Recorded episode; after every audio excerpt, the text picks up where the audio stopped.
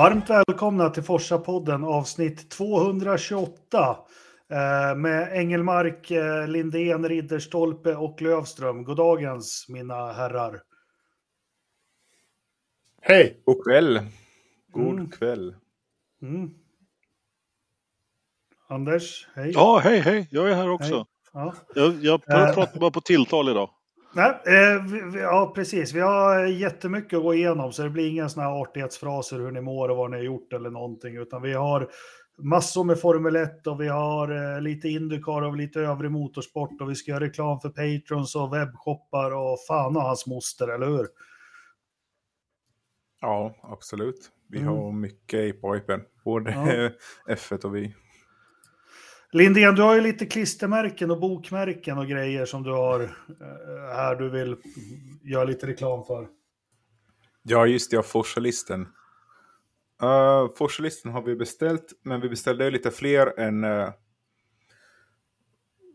vad vi hade fått beställningar på, vad ska det kallas. Så vi vill gärna sälja bort alla vi har beställt. Så vi tänker vi kastar med ett klistermärke till alla som beställer innan, uh, ja, de som beställer den här veckan innan nästa podd. Ja. Och plus de som har redan beställt får också klistermärken. Tänk vad generösa vi är. Ja, svinbra. Vart beställer man någonstans då?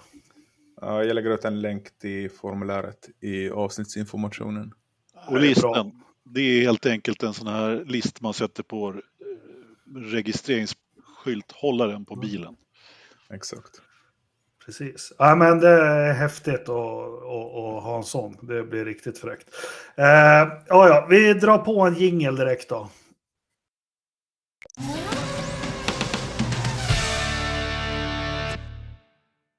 Mm, lite Formel 1, men vi gör så här, eh, alla trevliga lyssnare och mina eh, medarbetare, eller vad kallar man det, kollegor här i podden. Eh, låt oss ponera att vi är en fotbollspodd och i helgen har vi kollat på Champions League-finalen mellan Barcelona och, eh, vad ska vi ta, Manchester City kanske. Eh, det var en riktigt eh, härligt eh, match vi skulle få se, men det var lite problem. Det började lite, för det visade sig att i kvartsfinalen och i semifinalen så hade Barcelona, man hade spelat med 14 utespelare istället för 11, eller 10. Man har använt alldeles för många och det får man ju inte göra genom reglerna. Och Barcelona hävdar, men det var ju inga fotbollsspelare, det var ju en kock som var ute på plan och en massör och lite allt möjligt. Och, och, och Uefa, de kunde inte bestämma sig, men herregud, vad ska vi göra nu? De kanske har fått fördel av det här. Nej, men vi tar ett möte med dem och så funderar vi lite på vad de tycker själva för straff är lämpligt. Men, men matchen går i alla fall igång, men precis innan den ska gå igång, då får man byta ut lite backar och mittfältare, för det visar sig att någon har haft ett trasigt benskydd på träningen innan matchen. Så då får inte han komma in förrän efter 60 minuter. Eh, så det blir lite ändringar så där. Så publiken, de är lite frågande. Vad, vad ska det bli med den här matchen och så egentligen? Och, och jag själv var frågande. Sen kommer matchen igång lite och det börjar med, börjar med en frispark. Det är en som blir ordentligt kapad i Manchester City. Eh, men domaren blåser inte av utan kommer upp en skylt i tv att man, man, man ska titta på den där situationen. Då ska man höra spelarna efter matchen är slut om det eventuellt ska bli en frispark. Eh, så matchen får gå vidare sådär. Uh, de har lite problem, Barcelona har spelare som har tagit med handen lite ofta så har det blivit frisparkar och, och ja, det är allmänt känt och det, reglerna är ju så, du får inte ta med handen. Uh, men den här matchen så är det några spelare i Manchester City som tar med handen, men man tycker, eh, vi, vi lämnar det utan åtgärd idag. Det, de, de får ta lite med handen. Men i alla fall matchen blir jäkligt spännande och, och, och jämn vad det lider. Och, och trots allt det här debaclet så, ja, det blir spännande till slut. Men, eh, så, så, det blir en straff när det är fyra minuter kvar för Barcelona. Eh, och medan man lägger straffen, då väljer producenterna att filma backlinjen och mittfälten när de står och pratar lite där. Så man får titta på det, så man har ingen aning om hur det går med den här straffen. Och mitt allt uppe i det så sitter det någon celeber skådespelare, sitter, eh, han sitter inte bara på läktaren, han sitter på avbytarbänken för Manchester City. Honom måste vi zooma in en och en halv minut också och kolla vad han gör. Eh, till slut får vi ett avgörande, det blir rafflande. Manchester City gör mål i sista minuten och vi tror de har vunnit. Och eh, vi som är Manchester City-fan, vi går och lägger oss och, och, är glada med det. Men så vaknar vi upp en ny dag och så har man vänt upp och ner och, och, man har kommit fram till att den här frisparken som hände i fyra minuter, att den skulle rendera en utvisning egentligen. Så ja, hur ska vi göra det här? Om man justerar resultat, hej och hå och spelare och så. Ja, ja, det har varit en, en liten rant, men ponera att en sån fotbollsmatch vi har sett, det skulle, ju, det skulle ju aldrig godkännas eller det skulle aldrig gå igenom. Men i vår eh, härliga jävla skitsport som det har blivit senaste åren så, så händer det här varje helg och eh, jag är sjukt förbannad och känner mig blåst och lurad och precis allting och det är skittråkigt. Vi fick ju ett bra lopp här nu, men alltså Fia och Liberty och allting, vilken jävla mm, muppshow det här är. Som åker land och rike runt och de har inte ett jäkla rätt i någonting de gör och jag, jag är förbannad. Så nu ska jag inte säga något mer för då kommer det gå överstyr. Vad tycker ni om min fotbollsjämförelse? Den var kanske inte var helt rimlig, men tycker det var lite kul. Jag har gått och funderat i de banorna hela dagen. Ja, det märktes. Ja. Uh, men ja, så kan man väl jämföra också om man vill. Uh, jag vet inte om jag håller med om allt, men en del saker uh, håller jag med om. Det är ju, det är ju mesigt och fånigt och töntigt att hålla på att inte kunna ta beslut inom rimlig tid. Det är ju ja. ohållbart. Det är ju helt eh, förkastligt. För de har, det här är experterna som ska kunna allting och att inte ta en Formel 1-förare på större allvar eh, är inte, det är inte okej. Okay. Eh, för att vad de gör är att de, de nedgraderar viktigheten i utförarnas sport. Genom att inte eh, ta ett beslut på allvar och säga att det här är viktigt. Utan det får vi kolla på sen. Det, det är som att säga till sina barn, nej men det här är inte viktigt, jag får, jag, jag, får, jag får skjutsa dig till fotbollen sen. Nej, du kan inte skjutsa till fotbollen sen. Den börjar nu och är slut sen. Mm. Vi, vi plockar ner det lite så här, jag skickar den till Anders. Vi börjar ingångsvärdena, vi går in i helgen med, med att det är budget cap och det ska vara presskonferenser och, och, det är väl fastslaget att Red Bull har fuskat, eller fusk, kalla det vad du vill. De har, de har, de har brutit mot en regel eller någonting. Eh, och vi kan inte få ett besked, vi kan inte få någonting, utan man kallar till ett möte där man i, i, i konsensus får liksom, ja men jag tycker att det här jag körde mot rött och då kommer polisen och säger, men vad tycker du själv Jakob? Vad ska du ha för straff för det här? Uh, vi, vi, vi, börjar med det engångsvärde så får alla prata om det. För det, det är så vi kommer in i helgen i alla fall. Ja, det kanske vi gör, även om jag personligen kanske inte tyckte det så här mycket. Jag, eh, jag kan inte säga så mycket om din fotbollsjämförelse där. Jag är det är ungefär 40 år sedan jag tittade på fotboll. Sådär, så att jag, mina jämförelser, jag är fokuserad på for, Formel 1 och motorsporten och allt, allt de gör lite grann. Och den här budget cap-historien har ju redan innan helgen dragit ut för länge. Det här skulle vara klart redan. Jag förstår att man vill dra det där lite i långbänk för man vill inte liksom sätta ner foten ordentligt mot Red Bull. Man är lite rädda för att göra det. Och nu skyllde man ju helt enkelt på att Dieter Matisic hade dött och att det var därför som man förlängde eller tog, förhalade beslutet om vi får kalla det det. Mm. Eh, och det är, det är jättesorgligt och skittråkigt och jobbigt för företaget Red Bull. Det förstår jag helt och hållet. Men för i helvete. Ja, samtidigt så läste jag ju då att eh, Aston Martin i stort sett var färdigförhandlade med sitt eh, inte brott då, så att säga. Samtidigt så just i budget cap-historien så måste man ju ändå inse komplexiteten i ett eh, budget cap och, och, eller ett eh, kostnadstak då och vad som har hänt. Men jag måste ändå säga det att eh, det skulle varit klart nu. Är klart. Det, det, det är alldeles för dåligt. Lindén. Du är ju på insidan. Ja, nej, jag följer avkörarna nu, du där Champions League. Men uh, jag hade väl inga problem med, med loppet i sig. Det här med sena bestraffningar, det är väl ingen nyhet med F1. Sen så med budget cap så budgettaket. Vi tar en sak i taget. Vi börjar med ja. det som vi går in i helgen med som, som okay. har hänt in, innan liksom och det är budget cap. Mm. Eh, Ja, men de skulle ju ha någon eh, presskonferens där i, i fredags. Hade ju Red Bull annonserat, men det blev väl framskjutet det också. Men det verkar finnas otydligheter i vad som ska ingå i budgetkapp nu då. Det är ju det som är, det är, det som är twisten egentligen. Och det är väl därför inte Red Bull vill gå med på att acceptera att de kommer att gått över budgettaket. För då var ju också Williams, hade ju gjort något fel och de godkände att de fick böta lite. Och så var det också någonting med Aston Martin som hade gjort någonting fel och de har väl accepterat sin grej. Men jag kan förstå om Red Bull har följt reglementet då och enligt, dem, enligt vad instruktioner de har fått så har de följt budgettaket. Det är ju klart att de vill försvara sig då. Men, men hur kan det vara så här i den här högteknologiska sporten? För, för att de har ju den tjockaste regelboken eh, tekniskt och ekonomiskt och allting som finns i hela världen. Eh, 100 spänn är 100 spänn. Om det är en regel, du får spendera 100 spänn, då kan man bara spendera 100 spänn. Ja, men, jag, ska inte för, jag ska absolut inte för, försvara Fias agerande eller det här, men det, man måste ändå inse svårigheten i att bara döma ut ett straff och säga att så här är det. Är det. Uppenbarligen så har man ju en olika syn på det. det och det är väl bra att det får prövas då eftersom det är första gången. Sen att det har tagit så lång tid, det, det tycker jag är helt fel och det här skulle varit klart redan som jag sa tidigare. Så att, men eh, just Va, vad är det komplexa i att du får 100 kronor att, att handla för? Ja, men jo, absolut. Det är, men det, det är en extrem förenkling av det hela. Problemet är ju att man, man sa, eh, här är, är 100 spänn, spendera det.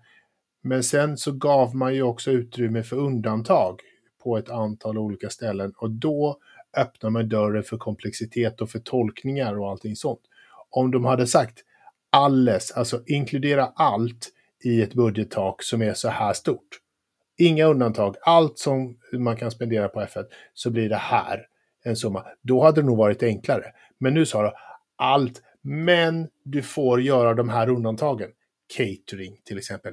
Helt plötsligt så, så kan vi lägga 10 miljarder på catering. Eh, och att vi råkar hitta ett avgassystem i potatismoset är det ingen som, som råkar säga någonting om. Alltså du förstår, det, det är mera komplext än att bara säga 100 spänn är 100 spänn. För du har också ett antal undantag i det hela, vilket gjorde det svårt. Och det, här, eh, det, ekonomi är svårt. Vad säger du Kristoffer? Jag tycker väl också för jag, alltså det var ju väntat att det skulle bli något problem. Det, det är ju liksom, ända sedan de annonserade budgettaket var det 2020 eller när de, jag minns inte när, men i alla fall så kände man ju hur F1 fungerar och Fia och hur den här cirkusen fungerar med stallen också. Att så fort det kommer en sån här ändring så kommer ju, det finns alltid en väldigt bra möjlighet att det blir såna här oklarheter i regler. Det är liksom ganska oundvikligt att det blir så. Nu är det ju väldigt viktigt att, att det prövas och att det kommer ett straff. Och att, för att då kommer stallen kunna rätta sig i ledet efter att det blir prövat en gång också. Eller vad säger du Ridderstolpe? En- en- Enklare i alla fall. Jag, jag tänkte bara säga en sak, sen får Anders säga sin. Men grejen är också, vi ska inte glömma att de här människorna är experter. De är bäst i världen på att hitta kryphålen. De vet Precis. exakt vad kryphålen Jag vet, det var dit du skulle. Men det är det, det är det jag menar. Därför är det. Ja, men- 100... Förlåt Ja, men det- Anders. Ja. Ja, varför säger du Anders? Nej, men alltså, jag är lite trött på att diskutera eh, budgettaket innan vi har ett... Eh, innan vi har ett eh, jag tycker vi ska gå vidare till loppet. Eh, men det, det är du som bestämmer, Jakob. Men jag skulle vilja ha, bara ha en jämförelse med eh, budgettaket med en annan regel som är mycket lättare att döma men som Formel 1 ändå liksom rör till det till, till det bitterska. Och, det, och det, det är det som retar mig mer än det här budgettaket som vi inte riktigt har sett slutet på än. Och jag menar det är ju när man går in i ett kval och sen så dömer man det här med track limits. Jag menar det var ju en fars alltså på kvalet. Eh, den ena som blir bortdömd och den andra som inte blir... Jag menar hur svårt är det i den här högteknologiska sporten som du säger att ha en, ett, liksom ett mätetal som gör att när bilen är över så är det ute och när bilen är inne, eller ta bort skiten. Jag menar Hinchcliffe då som var bisittare här i helgen, han berättade ju då att, att man hade en sån grej i just Indycar här då. Eh, för, liksom som, som mycket vet antingen är man över eller så är man inte över. Jag menar, här blev det, blir det ju då en bedömning. Och dessutom sitter förarna och rapporterar varandra. Liksom. Jag menar, Sonoda då var det väl som var precis på gränsen. Eh, och så lägger, lägger, man ut bilder efteråt liksom på, på honom och Max Verstappen och de. Eh, av bedöm av tv-bilderna så är de ju exakt lika. Liksom. Och den enas förarens eh, varv blir struket och den andra förarens blir inte struket. Jag menar, eh, ta, ta, ta, ta liksom tag i de där grejerna för att göra det liksom rejält visuellt istället. Det är bara en utav grejerna. Liksom. Nu är jag klar.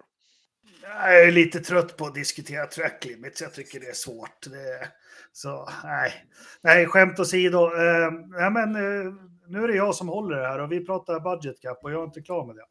Eh, men du är inne på en sak Anders. Regler är ju så länge du inte dömer i miljö och tillsyn och sånt när det är tolkningar så är regler är ju svart eller vitt. Du går utanför linjen eller du håller innanför den. Eh, det är ganska enkelt. Sen finns det i andra sporter så är det en bedömning. Vad är en hakning i socker? Hej och då försöker man definiera det. Men för mig är det superenkelt. Sen kan man tycka att ekonomi och allting är jättekrångligt. Så här, ni får spendera det här. Lägg 80 procent på catering, vi skiter i vilket, men det är det här ni får spendera. Och jag förstår inte när det är en hajtank som Formel 1 alltid har varit, där alla letar kryphål och ska hitta double diffuser eller allt möjligt. Då är det ännu viktigare att vara supertydlig. Mm. Ni får spendera 145 miljoner dollar. Det är vad liksom ert företag får omsätta och, och få gå ut. Vi skiter i hur ni fördelar pengarna. Men det är liksom det här är då är det ju inte ett problem längre. Då kan vi inte komma till catering eller någon är konsult eller någon är ditten och datt. För det är skit i samma. Mm. Och det är det de inte har gjort. Hade de Nej. gjort det så hade det varit... Jävla enkelt. klantskallar!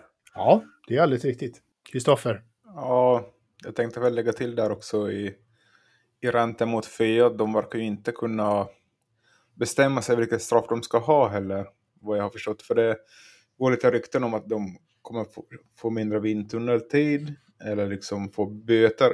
Det tycker jag också är lite konstigt. Som också, ja, det måste finnas svart på vitt.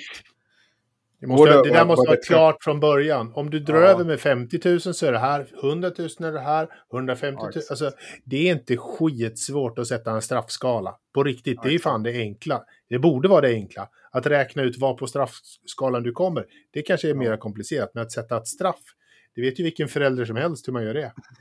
Ja, det är väl det som jag tycker är lite märkligt. Varför går det rykten om att... Varför går det ens rykten de inte har gjort, För att de inte har gjort. Ja, det verkar ju saknas har... liksom en straffskala då helt enkelt. Ja, exakt.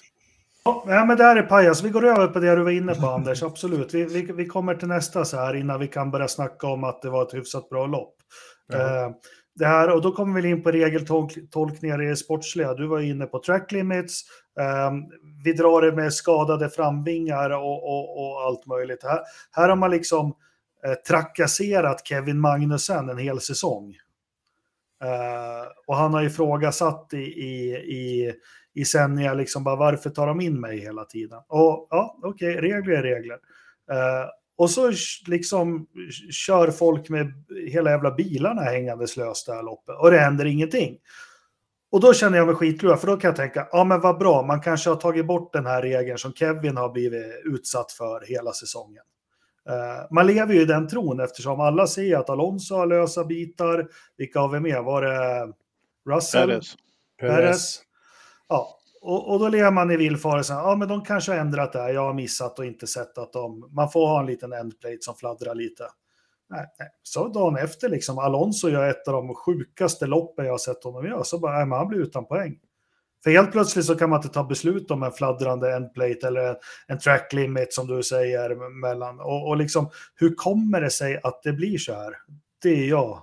Vi skiter i, jag konstaterar bara att det här är det här är urdåligt, men hur, hur kan det bli så här i den här sporten? Ja du, jag har inget svar på det, men jag tycker att det är lika dåligt som du och det här är ju ytterligare ett eh, på något sätt jag vet inte riktigt. Eh, just bedömningarna, jag menar för det är ju det här är ju också bedömningar naturligtvis. Och jag menar om man då bedömer att, att Kevin Magnusens endplate fladdrade mer än vad Perez eh, gjorde på framvängen. Jag menar, ja då kanske de som bedömer inte riktigt har gjort ett bra jobb eller tydligt, då kanske man ska släppa lite mer. Och jag menar, det finns ju en aspekt till det här och det är ju, eh, alltså press en plates vara eller inte, den är väl eh, men ja, det ser jävligt märkligt ut när man inte tar in honom eftersom man har tagit in Kevin två, åtminstone två gånger i år. Men det som jag, det jag upprördes mest av faktiskt, det var backspegeln, för den hade ju kunnat skada någon.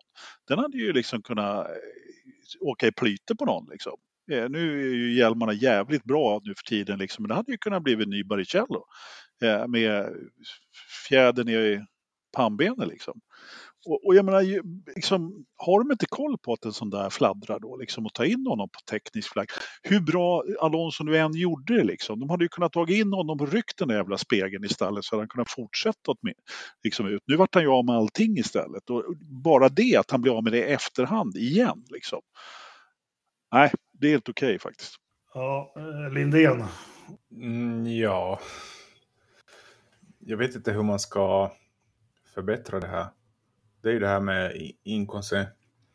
Jag tycker vi har pratat om det här så ofta. Det här med in inkonsekventa beslut. Varför vissa saker ska kunna bedömas under loppet och andra inte. Om nu Alonso ska ha ett straff och man så, alla såg ju backspegeln flög. Uh, varför kommer man inte bedöma den incidenten under loppet då som andra incidenter? Ja, alltså Haas måste protestera. Förlåt Ridderstolpe. Ja, det, det, får de säkert göra, men jag återkommer ju till, till uh, min åsikt här. Man ska ha experter som domare och man ska ha samma vecka efter vecka. Eh, jag är totalt ointresserad om de sitter i, i, i Toronto eller New York eller, eller Austin eller Göteborg. Det är eh, ointressant. Ge dem all möjlighet så här, men ha ett gäng så att konsekvensen blir att de här fyra, det är de som dömer alltid är det de här fyra som sitter och dömer. Och de ska vara utvalda för att de är skitbra på sitt jobb på samma sätt som Lewis Hamilton, Max Verstappen och George Russell är bra på sitt jobb. Eh, liksom. Om vi får fyra, då får vi en helt annan nivå. Tillsammans så kommer de att höja nivån på besluten och vi kommer inte behöva ha eh, diskussioner om fem sekunders straff hit eller dit. Sen tar man eh, naturligtvis nytta av tekniken för att kolla enkla basala saker. Är du över eller inte en viss linje? Det är inte så jäkla svårt. Men ha ett gäng domare som dömer oavsett. Hela tiden. Det har jag sagt länge. Kristoffer var nog först med, med att räcka upp handen här. Ja, ja men jag håller med där. Eh, Marcus Eriksson berättade där i Indycar har de samma domar i alla 16 lopp. Medan i F1 så har man ju Racingdirektorn har ju varit samma. Man har ju testat med att byta racingdirektor. Men det, det sket man i nu då. Efter största delen av säsongen är körd. Men uh, där så byter man ju rätt ofta domare från lopp till lopp. Och då blir det ju det här det är då det blir inkonsekvent. Det är då Exakt. det blir inkonsekvent. Det är fortfarande människor vi pratar om, så jag förstår att det blir inkonsekvent om du ja. uppför dig på det här sättet. Därför ska vi sluta uppföra oss på det här sättet. Men det finns väl också en baktanke med att byta domare, det är så att inte någon ska liksom... Det är väl för att neutralisera liksom, att någon skulle liksom döma till godo för någon, eller liksom mot en viss förare, eller mot någon viss förare sådär. Därför... Och det måste man ju ändå kunna vara så professionell så att man kan göra ändå på något sätt och kanske ha den ja. rotationen eller ha så pass många eller ha något. För det här systemet funkar ju uppenbarligen inte.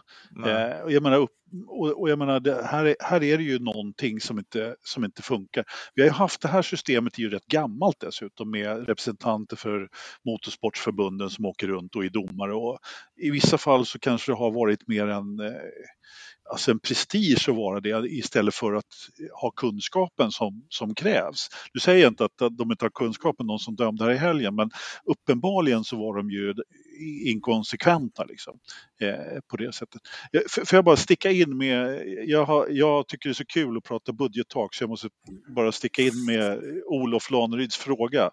Eh, han eh, frågar i chatten om eh, Red Bull gjorde samma sak 2020 och klarade sig eller om de ändrar strategi. Och det är en ganska intressant fråga. Eh, men det utdömdes inga straff 2020 för då hade man bara lagt budgettaket som en, liksom en test. Eh, så 2020 var ett testår för, eh, för budgettaket och skarpt var det 2021. Men alla kontrollfunktioner fanns ju 2020 så att hade de gjort det och, klarat, och det inte har kommit fram så är det ytterligare graverande. Så, var passus. Ja, nu tappar jag bort mig för jag lät faktiskt er prata till punkt och, och, och, och före mig. Uh, vart, vart var vi? Nu var vi på... Uh, domarna. Jo, domarna.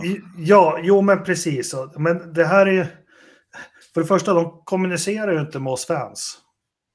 Det, det, det är liksom en sak. Uh, där, där, måste man, om man tittar på andra sporter också, där, där måste det kunna finnas en kommunikation med domartornet och oss som tittare. För det finns i tennis och det finns i, i alla andra sporter. Liksom. Eh, de har mikrofoner och går ut i direktsändning, alltså fotbollsdomare, hockeydomare och allting. Eh, men, men, men då, då, är sporten, då står sporten stilla i den minuten som domaren pratar med publiken. Både ja, det håller jag med om. Ja, det men det jag, skulle, det jag skulle komma till med det, Eh, jag förstår den problematiken, men mm. om två förare kör ihop på första varvet, måste man öppna en förundersökning innan Nej. man kan straffa någon? Att man ska, och det, det satt de och sa på, på F1 liksom, ah, de vill höra de här förarna efteråt. Varför det? Ja, jag, alltså, jag håller med dig här Jakob. Varför då? Jag menar, herregud. Alltså, jag, jag börjar närmare, alltså, jag har alltid varit för att förare som gör dumma saker, de ska straffas. Men jag börjar, det börjar bli som Nascar alltså. Nu, nu, får, liksom, nu får de sluta och döma ut straff. Så får vi ta bort förare som kör medvetet av andra, som Stroll och sådana där som ska ha livstidsavstängning. Men jag menar, eh, för en liten, en, en liten rull, liksom Russell-nos liksom. Nej, det, det, måste vi ta bort alltså, för att det går ju inte att ha såna jävla fem sekunder till höger och vänster, för det blir ju fullkomligt inkonsekvent. Liksom. Fem sekunder som straff ska bara försvinna, helt och hållet, för det är helt, det bara, det bara förstör. Bara bort. förstör. Ja, ja, bort, helt och hållet. Ja, men sen så blir det också man kompromissar, som vi, vi, vi snackar Alonso och backspegeln, om det ska vara självklart att han ska få köttbulleflagga då då ger ju de han och chans, stallet chansen att ändra strategi eller vad som helst och kanske han Exakt. kanske skulle kunna knipit en nionde eller tionde plats i alla fall. Det blir så jäkla fel det här. Och... Det var precis det jag sa här förut. Att jag menar, då hade de ju kunnat ta in honom, rycka den jävla ja. spegeln och så hade han ju kunnat hamna, tagit poäng ändå. Liksom. Ja. Nej men och, och, det är lika, det är också det här med vad ska, Ingmar Stenmark, gränslare, Garmis Partenkirchen. Nej men eh, han behöver inte köra banan. De, de kan vänta till efter loppet så får han säga sitt liksom. Nej, jag orkar inte. Någon mer. Ja, vad bra. Kan vi, kan vi prata loppet snart då? Ja, men det är Eller hade ja, vi flera saker? Nej, men vad, alltså... Eh, ja, men vi avslutar det här och jag, jag är sjukt besviken på Formel 1 som organisation med, med den piedestalen som den sporten sitter på och som jag har höjt upp dem på också med teknologi, med intelligens, med precis allting. Att de verkar inte kunna hålla reda på någonting och det, det här är, det är alarmerande. Jag tycker att det är krisstämpel. Tar jag i för mycket? Ja, så här. Om du sätter sporten på en piedestal efter de senaste 20 åren, då är det du som har satt sporten fel då är det du som har en fel syn. Varför den här sporten har varit eh, lögn och rackartyg i, i alla år. Och att de sen fortsätter med det och inte slutar med det bara för att vi har ett budget cap. Mm, det kommer inte sluta. Nej du Ridderstolpe, nu håller jag inte med dig faktiskt. Därför att eh, det här hade, in, alltså nu pratar inte jag budget capet här utan de, de övriga grejerna, det är det jag är mest irriterad på för tillfället i alla fall. För jag håller med Jakob helt och hållet. Eh, alltså med allt, utvecklingen av sporten, Libertys övertagande så borde man kunna ha gjort den, eh, kunna bedöma mer konsekvent. Och eh, alltså om Charlie Whiting hade varit kvar så hade inte det här hänt. Därför han var ett stort filter mellan domarna och eh, Formel 1. Mm. Han ådrog sig e-, enormt eh, liksom eh, han hade som pondus överhuvudtaget och bland alla. Och, och han var på varje lopp. Ja men precis, det också. Och jag menar, tyvärr så är det ju så att eh, eh, Michael Masi var ju ingen dumskalle han heller, han hade ju full koll. Och jag tror att det är faktiskt det här Eh, det, alltså få tillbaka Shirley Whiting går ju inte, men det största misstaget Formel 1 gjorde det var att man sparkade Michael Masi. Eh, för efter det så har det bara gått ut för det har inte blivit bra. Eh, sen är kanske både eh, Nisse då och eh, vad den andra, vad heter han, portugisen? Ja, han är inte kvar. Han... Nej, han, nu har ju han fått gå då, då, men jag menar, de är säkert oerhört kompetenta båda två. Men det, din hajtank där, Ridderstolpa, alltså det är inte lätt att, att hålla ordning på dem där, Kristoffer. Jag känner mest också att F1-sporten växer ju nu också otroligt mycket. Vi hade ju enligt F1 då rekord den här helgen med 440 000 pers på Austin över tre dagar. Och man måste ju reda ut sådana här grejer som gör att sporten ser liksom dålig ut. Jag tycker att sådana här grejer gör sporten dåliga dagar när man ska få, samtidigt få in massa nya fans i sporten. Eller vad tycker ni? Ja, nej, men självklart, det är ju det vi säger hela tiden. Vi måste få ordning på skiten. På ett eller annat sätt så måste Men hur bara... ska, någon, hur ska någon som ser sitt första eller andra lopp nu i söndags bara förstå någonting? Nej, men det är ju det, det är där problemet ja. är, att man inte ja. gör det för att man har inte ordning på, på sin egen skit. Liksom. Du måste sopa på trappen hemma och, och, och liksom få ordning på grejerna. Du, får, du ska ha en straffskala om du, går, om du begår ett brott. Och du ska ha, om du har 100 miljoner sensorer i en bil, eh, sätt en av dem till att kolla om du är innanför, innanför om du är på eller av banan. Tack Ridderstolpe. Eh, liksom, det är inte så jäkla svårt. Och se till att du har ett domarteam som dömer konsekvent. Att du har en nivå på domarna. Så att det inte är gamla Pelle som har varit suppleant i styrelsen i 70 år så att han ska gå pension nästa år och få döma Monacos Grand Prix. Bara för att han är en trevlig snubbe. Det är inte okej. Okay. Vi måste ha nivå på den också. Förlåt. Ja, jag tänkte bara berätta hur jag fick höra den här att Alonso fått straff. Liksom man vaknar upp på morgonen och så har jag min Apple Watch i sängen och så scrollar jag där och ser notisen och bara Alonso gets 30 sekund penalty. Så bara, jaha. Okej. Okay. det är liksom, är det så man vill liksom vakna upp dagen efter? Ja, ja men så du, du, vi kan ta det lager på lager också. Vi snackar om den nya fanen som Gud vad kul, jag såg loppet förra, det, nu vill jag, och nu ska jag, sat, nu ska jag satsa en slant på det här också, typ. Jag ska sätta nej, en hundring på, ja.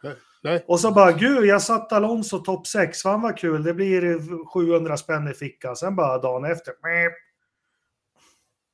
Men spelbolagen däremot, är ärligare i det här läget. Aha. Jag tror faktiskt att de går på när du går över mållinjen. Om ja. du vid mållinjen är sexa så får du pengar för det. Men ja. Formel 1-sporten är den dåliga som bara, nej faktiskt, du blir 15. Innan vi lägger på den här, för det kommer lite kommentarer på Facebook också. Och vi har ju du Lindén som tittar på MotoGP och vi har vi andra som tittar på andra klasser där man inte upplever de här Eh, problemen? Vad, vad kan vi säga? Vad, vilket håll skulle Formel 1 titta efter för att lösa de här, om vi får kalla det, Utmaningarna heter det i det moderna samhället. Det finns inga problem. Nej, men jag vet inte om man måste titta på någon annan klass egentligen. Jag menar jämför med, med MotoGP, det, det blir ju, det blir, den haltar ju vilken dag som helst liksom på det sättet. Och jag, menar, eh, jag, jag, tror att man behöver titta på sig själva och se och kunna vara konsekventa. Eh, det är, det är vad man behöver göra. Och jag menar, sen att jämföra med vilken annan motorsport som helst, det är ingen annan motorsport som är Formel 1. Det är klart att man kan titta på Indycar naturligtvis och, och kika, men de har ju mycket annat som inte är bra. Liksom. Men man, kan, man måste ju russinplocka där och det som du säger, det är ju the pinnacle of motorsport. Jag menar, då måste man kunna lösa de här, här grejerna, framförallt den där jävla sensorn och, och track limits, för det håller jag på att bli galen på faktiskt. Nej, det är, det är värdelöst att de inte har... Vi, vi låter... Uh som slutord kring allt det här så tycker jag vår vän Ternström, han skrev att de kan väl tillsätta en kommission som, som dömer resultaten i loppen, slipper man köra. Eh, vi kommer till nästa, vi behöver inte eh, uppehålla oss så länge, men jag, jag inledde ju det med min fotbollsliknelse här. Jag blir också så otroligt besviken när ja, hem, vi, vi, har en fight om första platsen på för hur länge sedan som helst. Liksom. Ja, men då, börjar man, då börjar man skicka ner kameran på plats 13. Liksom. Jaha. Är, och, och, så lite Brad Pitt. Ja, det där får de också tänka om på. Ja. Det är lite ja. som när de visar en Brad Pitt-film på, på, på bio. Tänk om de klipper in lite Formel 1 då i 15 sekunder, mitt när det är som ja. mest spännande. Jag, tänk, jag tänkte också på det där i den här slutkampen, när man liksom såg det här. De la ett radiomeddelande om att han, var det Hamilton som rapporterade att han, att han kör över i kurva 9 och sånt här, men mm. vi fick aldrig se när de var utanför banan. Och det nej, kom liksom en, en svartvit flagg för båda två. Och liksom bara, jag fattade ingenting vad, varifrån de kom, de här svartvita flaggorna. Ja, den har jag glömt, men den tänkte jag på när jag satt och kollade. Precis. Du brukar ju ja. skylla på mig det. Jag satt med ombordkameran och såg alltihopa. Så att du brukar skylla på mig att jag ska ha flera kameror uppe. Nu hade jag ju det, så jag såg alltihopa från start till mål. Och ja. Kunde jag liksom skifta blicken då när de visade någon, någon någon kändis istället så, som, inte var, som inte var intressant. Men jag menar, visst är det så. I, vår, i Word-feeden så var det väldigt, eh, helt plötsligt så att de och hojtade på varandra bara och sen så var, och, återigen track limits liksom. Kom igen, liksom Louis sitter, ligger bakom eh, Förstappen och meddela att han var över i den och den klassen. Så där kan man inte hålla på liksom. Det är ju som filmning Nej, men om de litar på domarna och organisationen om de verkligen skulle lita på, du pratar om lördagen och kvalet och allting, att en får, då skulle inte de sitta och gasta sådär. Nej, nej, exakt, exakt. Kristoffer. Ja. Jag som också bara pluggar lite storytelling och, och filmredigering och sånt här, de missar ju sitt budskap med att visa liksom, det är liksom, de försöker berätta en story men det fattas vissa scener, känns det ja, som. Ja, ja. Det är ju det som blir problemet också för de som tittar, att uh, du försöker visa en film. Förstås, det här är ju lagsport. Det är inte samma sak när du inte kan planera det. Men du, du har ju ändå materialet inspelat på någon kamera, men det känns som att de missar att använda det materialet. Mm. Ja, bra beskrivet, jättebra. Eh, de staplar lite sketcher på varandra, men de glömmer någon, någon, någon kloss. Ja, ja, men jag, jag har ju varit på det här med tv-produktionen förut, men Eh, jag tycker det är tråkigt när det blir så här. Ska vi ge oss in i loppen nu då? För vi fick ju faktiskt ett, tycker jag, i mitt tycke, och det verkar som våra forumsmedlemmar också tycker, ett, ett ganska underhållande och, och, och bra lopp skulle jag säga. Eller vad, vad tycker ni? Ja, det krävdes att en, en finländare blåste av banan för att få igång det. Mm. Skulle jag säga. Ja, alltså inte bara. Jag menar, första kurvan var ju en britt som eh, som, som, som petar lite på en Ferrari så händer det ju grejer där också. Så att, jag menar, det behövde ju, behövde ju inte åka så långt egentligen för att det skulle börja hända grejer. Mm. Det här har vi pratat om förut. Nu är Bottas nästa man på listan som måste lära sig att koppla ur och styra emot. Ja, han, han, han skyllde på vinden var rätt hård i den här kurvan. Ja, men ska, ska, vi, ska vi gå in där för eh, innan träningen, vi har ju lite kval och sånt, men jag, jag tycker, och då nämnde det sen också, jag tyckte det var tydligt eh, hur oroliga bilarna var. Alltså allt från Red Bull till Alfa Romeo-bilarna, hur oroliga de var i olika situationer och det var ju vinden. Uh, man såg ju många oförklarligt inte fick stopp på bilen ibland och liksom bara rände rakt ut. Och det måste ju också ha med, med, med vinden att göra. Och det, det var en jäkligt stor faktor den här helgen. Uh, det är i alla fall min analys. Men vinden har ju ingen... Du har ju berättat för mig att vinden kan ju inte göra så att en förare kör av. Ja, Silverstone, Marcus Eriksson, har du glömt det? Nej, men det var ju att han inte stängde... Han stängde ju inte luckan. Han glömde just DRS. Nej, det var inte DRS. Det var vid ett tillfälle så, hade han, så skyllde han på vinden. Att han, eh, så att det svårt att hålla reda på alla hans avvakningar. Ja, jag förstår att du har det. Bottas också då. Men, men då i alla fall så berättade du för mig att då kunde man inte köra av på grund av vinden. Men nu gjorde Bottas det i alla fall. Mm. Tydligen. Eh, men, men det var väldigt, eh, det var blåsigt Eh, och det påverkade uppenbarligen, Verstappen klarade, klagade ju gång på gång att Mm. bilen var orolig där på, under en period i loppet i alla fall. Och, och det syntes så tydligt också, inbromsningar och... eh, ja, men jag tyckte det syntes tydligt att, att eh, vinden var, var stark. där. Men vi hade ju ett kval där, kul, kul med Sainz som lyckas. Jag gjorde i vår interna grupp lite, jag hade ju tänkt att göra en sån här analys och skicka ut på sidan, men det, det blev inte som jag ville. Men eh, svårtydd helg med de här däckstesterna och allting. Men eh, eh, jag skrev väl internt till oss var det att ja, jag stack ut hakan på Sainz den här gången, men med tanke på hur Ferrari har opererat det här året så skulle jag inte sätta pengar på det. Nej, och jag vet inte om vi fick något svar, men inte hade någon av de där Ferrari-bilarna klott eh, eh Förstappen i den, med den farten han hade på raksträckorna eller, eller Red Bull har på raksträckorna. Liksom. Man får ju ponera, eller vad tror du Ridderstolpe, att Sainz tar starten och eh, kan få en eller två McLaren, eller Mercedes-bilar mellan sig och Verstappen. Det kanske var... Eh, Ja, det, det hade väl kanske hjälpt, hjälpt till, men jag tror ju som, som Anders att det, det hade nog egentligen bara varit en pausfågel innan, innan eh, Max hade kommit ikapp och kört om eh, ändå till slut. ja, ja. Eh, liksom så det, Han gnällde ju dessutom på att eh, han fick starta på den eh, smutsiga sidan också. Jag vet inte varför de inte bytte där. Brukar de inte få Vem?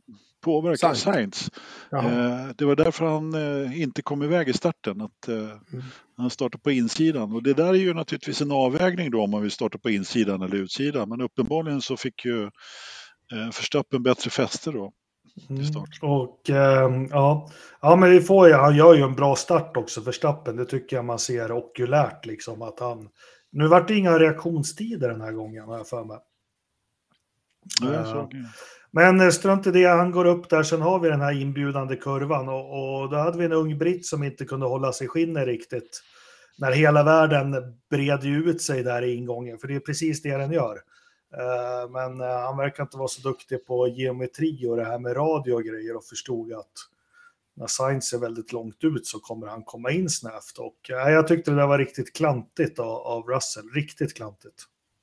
Ja, men det var det ju. Han borde ju tagit en Alonso ytterrökare där. Absolut. Det var ju, och det sa han väl själv också att det var hans fel. Han tog ju på sig det. Mm. Yes, Ja. Kristoffer. Ja, exakt. Han sen, liksom, vad jag förstår på honom så var han så fokuserad på fighten med Hamilton. Och Sainz la bilen lite opåsligt, men helt klart var det ju Russells fel. Som tyvärr gjorde loppet kort för Sainz. Han pajade ju kylningen där. Och det är lite märkligt att eh, en liten knuff i sidan pajar kylningen, men Alonso gör en wheelie i 300 km i timmen och tar sig i mål. Undrar lite Man kan ju Ja. fråga vem som har byggt bil. Nej, för fan, alpin köper in chassin från, vad är det, Reynard eller vilka är det som? Dalara. Dalara, ja. ja. Nej, nu har ni fel igen. Jaha, jaha. The Boring Company köper de ifrån. kolla, Ja, men- kolla, kolla Lövström bara så här. Eller vänta. Lite, lutar sig tillbaka. Äh, grabbar, är Nu ska jag berätta hur det ligger till. Ja, nu kommer farsan. Kom igen. det-. Det truth, det truth. Till att börja med så är det ju faktiskt så att Formel 1-bilar är oerhört starka i en riktning. De är ju lite som, eh, liksom, vad ska man säga, ett ägg. Men om man petar på sidan så här, då går de sönder på en gång. Men om man ställer det rakt ovanpå så här, det vill säga när liksom, kraften kommer neråt, då är de extremt hållbara. Och det var ju Alonso smala lycka. Nu var ju han in lite grann i, i räcket där också, men jag tror inte det var någon större klaga. Men just det där kraften, medan då Russells nos petar ju till precis på fel ställe så att det går sönder. Liksom i, för där finns det ju ingen skydd alls överhuvudtaget. Liksom. Eh, som ni säkert vet så är inte jag alls lika eh, tycker jag inte, jag lägger inte alls lika mycket skulden på Russell som ni gör. Eh, han eh, var helt klart eh, dedikerad i kurvan och tog på sig det och bad om ursäkt till Sainz. Men eh, alltså det där första varvet och första kurvan, om man tittar på vad, vad Sainz gör också, så är det så att han går ju ut för att köra om, eh, vet du, han har ju fått en bättre kurva liksom. Så att istället för att ligga bakom eh, Verstappen så ska ju han gå ut till vänster om honom och där är ju Russells nos, så är det ju bara. Så att, eh, jag tycker inte att det där render, skulle rendera ett fem sekunders straff faktiskt. Om du blir påkörd bakifrån i en rondell, då, då tycker du att det får du ta Fast på du dig. lyssnade ju inte på vad jag sa. Du, vi Jo. kan gå vidare nu. Men har inte Russell bromsar också? Jo, det Men om man, om, om, jag, jag har ju sagt var, varför jag tycker att, att Russell inte ska ha en fem sekunder. Det är för att Sainz byter ju spår och kör in i Russell. Det är ju klart att Russell försöker, kunde, kunde inte ta kurvan så snävt, snävt som han ville. Jag har en annan åsikt än vad ni har. Okej? Vi får tycka olika. Tre mot en. Ja, ja. 25 procent. Ja, det- vi kan vara hundra mot den. Jag har samma åsikt i alla fall. Titta på Sainz och vad han gjorde. Liksom, han bytte spår mitt i kurvan. Och jag menar, Russell, precis som han säger i, i svaret efter, så han hade liksom, eh, brist på bättre ord, committat fast sig för han- kurvan. Liksom. han byter menar, ju klart, han kan ju inte göra någonting i det där läget. Men han byter, alltså så här bred är ingången. Eh, Fan, där är kameran. Så bred är ingången. Sainz kommer härifrån. Hans radie i kurvan kommer bli annorlunda mot Russell som kommer rakt på Apex. Men titta på vad Sainz gör utifrån. Ja, men jag har ju sett han byter lika mycket spår som mitt du. i kurvan. Och där är Russell. Jag tycker inte att det är ett straff. Så enkelt är det. Ja. Anders har en åsikt. På det här avsnittet. Ja, men men ni får det- tycka vad fan ni vill. Jag tycker inte att han, att han ska ha ett straff för det där. Jag tycker Ja. det är helt fel. Jag tycker, jag tycker att eh, Russell kunde tagit ett annat spår. Givet att det är första kurvan på första varvet så ska man nog vara medveten om att det är liksom att ta det tajta spåret kanske inte är det optimala. Det kanske inte är helt genomtänkt. Varför det, Det är förmodligen... Det är klart Ja, att han men- kunna ha varit försiktigare. Ja, men precis. Och därför är det så här, förmodligen så skulle han, eh, där, dit han vill, så borde han av erfarenhet veta att det finns en annan bil med största sannolikhet. Ta den andra eh, spåret som kanske är lite längre och eh, eh, live another day. Lite så. Det är väl lite så man också ibland behöver tänka i första kurvan på första varvet. Ja, men gör man en 70 varv. sidoförflyttning, det finns ju alltid bilar åt sidan Ja, det i, finns bilar i, i en start. Liksom. Det är det Ja, ja. jag baserar det hela på. Liksom. Ja. Den sidoförflyttningen. Sen vet, sen, Ah. sen vet jag inte det där. Jag, mitt huvud så försöker jag spola tillbaka och framåt och se hur science rör sig. Och jag, du kan ha rätt, du kan ha fel. Jag vet det fan. Jag sitter, och kollar på, inte- jag sitter och kollar på den här, alla har rätt till sin åsikt. Jag konstaterar bara att Sainz är ungefär 120 billängder bakom när de går in och ska bromsa. Det är ju nummer ett. Sen skiljer det Ja. ungefär, eh, nu ska jag inte, det skiljer ungefär fyra bilbredder hur de tar sig an kurvan. Och Men som jag sa, med, med, jo men med lite geometri för att Ja, men du Alltså- kan ju sitta och titta, sitt och titta på, på den i sändning, gör det bara. Men jag säger bara att sidoförflyttningen är inte okej. Han, eh, då, kör, då, då träffar han Russells nos. Det är min åsikt. Gå vidare. jag sa just att alla fick ha en åsikt, då måste väl jag också få en åsikt. Ja, men du har ju redan Vi kan ju inte det. bara slå fast in och, och gå vidare. Jag, jag försöker titta på att jag ser inte, alltså, jag ser Men inte att... Jakob, du har ju redan sagt din åsikt. Vad var det då? Att det var Russells fel. Du började ju med det. Jo, men jag, möt, sedan. jag möter ju ditt argument att Ja, han fast byter gör spår. inte det. Jag har ju bara talat om att jag tycker att ni tre har fel. Och jag, min åsikt är att han förflyttar sig sid, i sidan. Ja, men det är det Kristoffer, jag... vi, vi, tar, vi tar ett möte efter podden och utdömer ett straff Ja. om det här. Om de ska få 15 eller 30. De kanske får en drive Nej, men det är det. Jag jag? måste ju få Ja. bemöta det med att han byter spår Ja, mitt i kurvan. Jag tycker, vi att han håller, jag tycker att han håller precis samma radie i sin sväng som alla andra utifrån sitt ursprungsläge. Fast det gör han inte. Men Kan vi gå vidare nu innan lyssnarna tröttnar på... Ja, eller så tycker- ni två någonting. Nej, vi tycker, i, det här läget så har jag slutat tycka faktiskt just nu. Ja. För jag har försökt att, spola fram och tillbaka och jag tittar inte på video i podden. Eh, så jag, får titt- jag tar ett beslut efter eh, målgång. Ja. Ja, samma här. Jag kan göra en ny bedömning e- efter Anders protest här.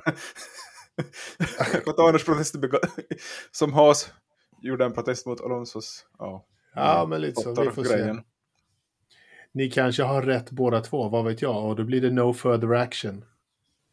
Ja, ja. ska vi komma vidare i, i den här frågan? Ja, kör, kör, kör. Mm. Ja, vad bra.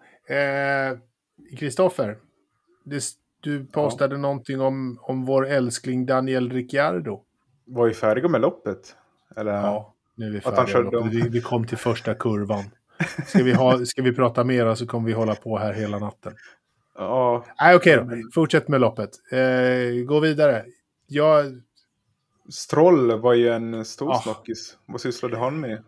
Ja, på riktigt. Det, när det så uppenbart vrids vänster på, på ratten så, så finns det inget så här. Jag gav honom jättemycket plats där åt sidan. Nej, det, ja, jo, men nej, sluta nu. Du är livsfarlig. Lägg av med det här. På riktigt. Eller? Ja, verkligen. Jag vet inte vad man ska säga. Det är ganska livsfarligt att eh, kurva in sådär, speciellt när det går... Det var någon som hade uppmätt hastigheten där, det var närmare 300 km i timmen. Det är ju därför Alonsos bil lämnar liksom på baken när han flyger framåt. Uh.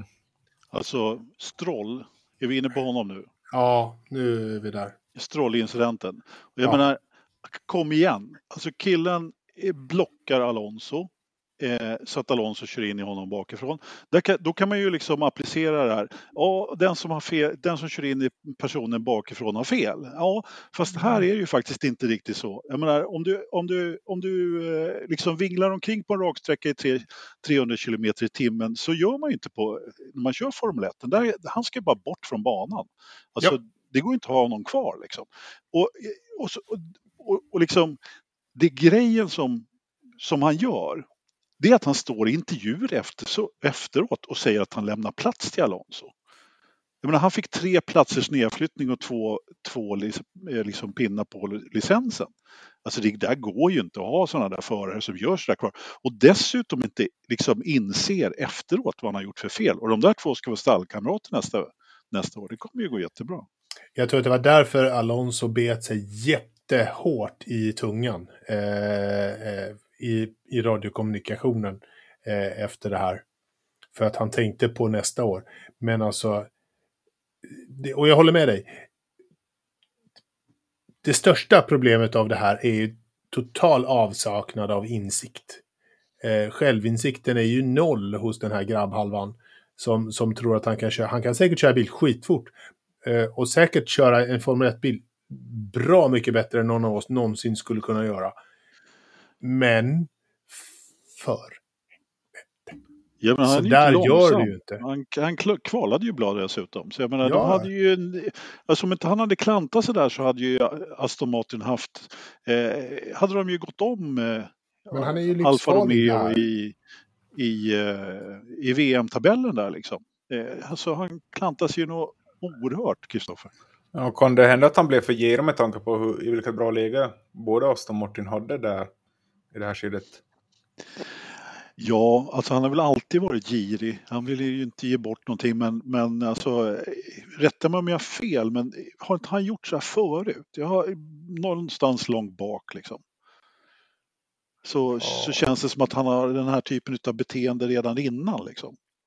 Ja, att han har dålig koll på omvärlden är det ju. Eh, absolut. Så att jag vet inte. Ja, precis. Patrik här, han körde av Latifi i Australien. Han mm. borde testa synen och avståndsbedömningen. Ja, det håller jag ja. med om. Han borde testa lite mer. Hand and eye coordination tror jag vi kan eh, lägga till till det där också. Ja, han kan dra åt helvete. Det är det enda jag säger. Ja. ja nej, men, rakt, rakt på rödbetan åtminstone. Ja, så där ska det ju vara ett sånt här Nascar-straff. Liksom. Jag menar tre platsers nedflyttning. Herregud. Liksom. Nej. Det är en skandal utan dess like. Liksom. Och just, just det här att han, inte har någon, att han inte fattar vad han har gjort efteråt. Det tycker jag är det absolut Ja, det är, det är helt... Värsta. Det, det är katastrofläge på det. Sen ja. då? Jakob, vad hände efter det? Ja, vad fasen hände? Det, ja, men det var ju, nej, där också så bestämmer man sig för att inte städa upp banan. Också ett sånt här jättemärkligt beslut. Det liksom ligger kolfiber och skit över hela banan. Ja, för mig var det där en rödflagg. Det är nästa eh, konstiga beslut. Du var ju inne och, och brottades med medierna där under loppet också som sa att de hade avbrutit jo, loppet fast de ja. inte hade gjort det. Men eh, jag vet inte om jag tycker det var jättekonstigt men, men eh, vad heter det? Antingen så, ja men det vart ju inga punker sen, men visst, en, det, jag hade inte gnällt om det hade varit rödflagga heller. Så att... Nej, Ma Martin Brander på Sky var ju övertygad. Så fort han fick se liksom första bilden, första vybilden över, över kraschstället så var det så här, men det här är ju rödflagga, det var inget snack om saken. Ja, men det är så på FTV också. Det... det var ju liksom, men det var ju märkligt. Jag vet, inte, jag vet inte riktigt hur de fick ihop det, men de verkar som att ja, men det här, vi får upp ett spår snabbt och så tar vi resten under ett par varv. Okej, okay. I don't know. The show must go on, kanske. Jag vet inte hur de tänkte alls. Nej. Men jag är också lite trött på rödflagg just nu. Jag, det, det, har varit lite många, det har varit lite mycket, mycket fördröjningar. Jo, men de klarar ju att rödflagga ett kval eller en träning när en bil kör ja. genom grusfållan. Så, ja. Konsekvensen, ja. eller konsekventa eh, fi. Jo, Fan vad Lindén är tyst, vad är det med? Han sitter och pekar fulfinger åt oss också. Ja, hela tiden. Ja, ja, ja, ja. nej men jag kände att det blev dålig stämning här i gruppen efter. Det är ingen dålig stämning, vad fan. Du som är finne, man behöver väl inte vara... Ni är väl inte så mycket för konsensus i ert land? ja. Jag försöker tänka på vad som hände i det här. Nej, jag har sett och tittat på det där klippet. Jag kommer lägga ut ikväll som visar att jag i vanlig ordning har rätt. Sen jag tycker det absolut inte du ska göra. Det, Sen har alla rätt till sin åsikt, men ja. I vanlig ordning. Ta det lugnt nu, Jakob. Ja, eh, bra. Ni fortsätter den och vi andra går vidare till eh, vad då, Jakob? Mercedes hade ju en väldigt uh, uppdaterad bil till helgen. Det visade sig ju fungera bra ändå. Ja, det, vadå fungera bra? Vad var det de hade uppdaterat? Ja, vad var det som det fungerade så jävla bra då? Det mesta. Ja. Ja. ja, det är liksom två Ferrari ur spel och en Perez ur form. Så de var väl, de var väl femma, sexa som vanligt. Perez hade en eh, halvsladdrig vinge. Ja. Och Hamilton var ju nära på att vinna det här loppet också. Nej, nej, nej. Nu, nu är jag sur igen. Det var väl aldrig nära på något vis. Nej, men var, var det någon som trodde det var nära någon gång? No. Nej. Nej, det kan ju ingen. Det var, ju 62. Det var alldeles för många varv kvar. Det var alldeles för många varv kvar för att det ja, skulle bli nej, intressant. För fan. Han skulle väl, han kanske, jag kan bara säga, jag fick lite sms från några Hamilton-fans så här och så, så jag snackar inte i efterhand att jag är så jäkla duktig utan vi är lyckliga här i Västerås, fick jag en bild på de två när Hamilton fick, ja det är dåliga, det, ja. Men lugn er nu, det är långt kvar, han är omkörd tio varv innan slutet. Eh, skrev jag då. Så jag, jag tyckte aldrig det var nära någon seger där. Nej, men det var roligt att de var där. Vad jag gillade mest eh, var sekvenserna med, med Charles och Max när de eh, körde tillsammans. Det gav mig lite vibbar från tidigt på säsongen. För när de två fightas mellan varandra så finns det, så det är en annan typ av fighting mellan dem än mellan Max och Lewis. Eh, där är det mycket mer där är det mycket mer taggarna utåt. Medan det är på något annat sätt respektfullt och fair fighting mellan Charles och Max. Även om eh, Charles inte hade någon suck mer än att stå emot ett par varv så, eh, så tycker jag ändå att de där fighterna som de har är någonting som jag uppskattar väldigt mycket när de kör. Det är det jag gillar, det är den typen av racing som jag vill ha från 2022, 23, 24 och framåt. Ja, jag håller med där. Leclerc och Verstappen är ju liksom uppväxta i samma mm. Serier, medan Hamilton är ju från en annan era och det är väl det som blir lite skillnaden när, eh, när en ny alfahanne försöker ta plats på fältet. Ja, lite så. Ja, mycket möjligt. Men det, deras fighter är någonting som jag faktiskt uppskattar riktigt, riktigt mycket. Eh, för de är, där, är det bra och där gillar jag. De, de hanterar dagens bilar på ett bra sätt. På rätt Ja. sätt, skulle jag säga. Ja, jag satt också med samma spänning och hoppades på... Fick lite flashbacks till förra året och så här hoppades att Hamilton kunde beta ifrån mer. Mm. Vilket han inte visade sig ha varken grepp eller fart för nu då. Men eh, Nej. ja. Nej. Och sen blev jag riktigt less på när de sista varven var faktiskt rätt tråkiga när han bara sitter. Ah, nu är han utanför i kurva 9. Nu är han utanför här. Jag var så här, men lägg av med det där. Fokusera på dina grejer istället. Kör bilen. Finns Men- det någon som kan ta Verstappen i en duell?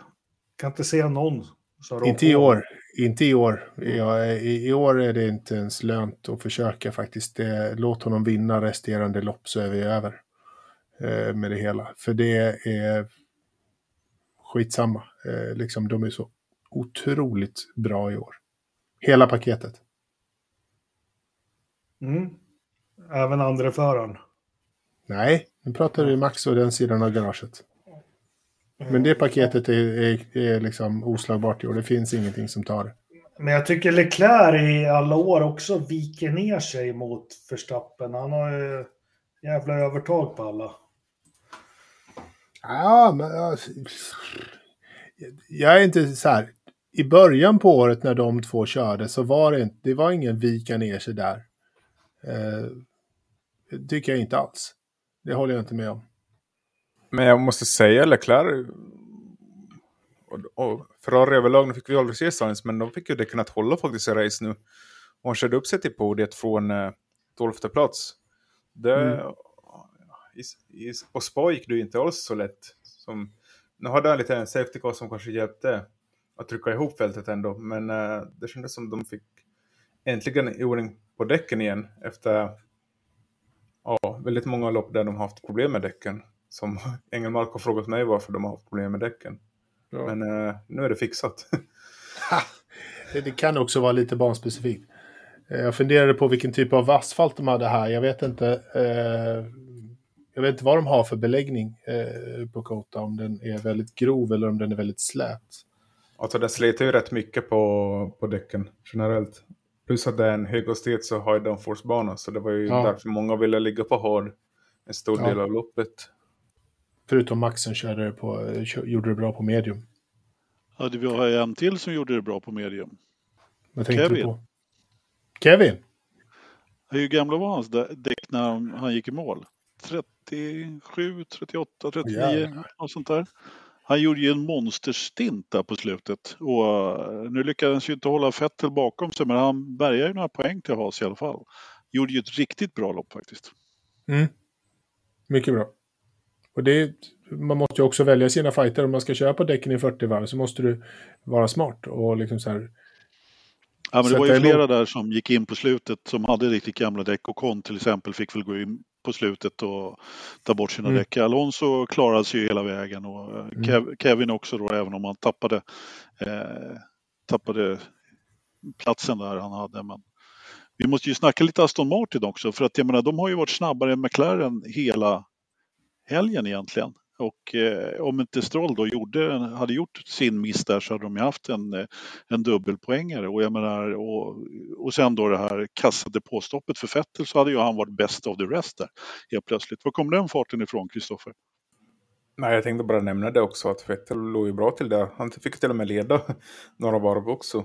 Men eh, de har väl haft eh, väldigt aggressiva uppdateringar senaste loppen. Det känns som de har, som du säger, tagit över McLarens plats som best of the rest nu. Ligger framför både Alfa och nu är de väl bara en pinne bakom Alfa i totalen. Så eh, man måste väl ge dem en klapp på axeln i alla fall. Att de eh, utvecklar bilen så pass mycket under säsong så de kan vara regelbundet i topp 10 nu. Ja, det verkar ju uppenbarligen som att de har fått eh, liksom att de här uppdateringarna träffar rätt. Och jag menar, Vettel har ju gjort det bra. Det var det tredje loppet i rad som han tog poäng eller något sånt där. Ja, han, tog, ja, Ja. han har varit på, på hugget nu i slutet, på riktigt. Ja, Skoj att se. det, ja, det är ju det.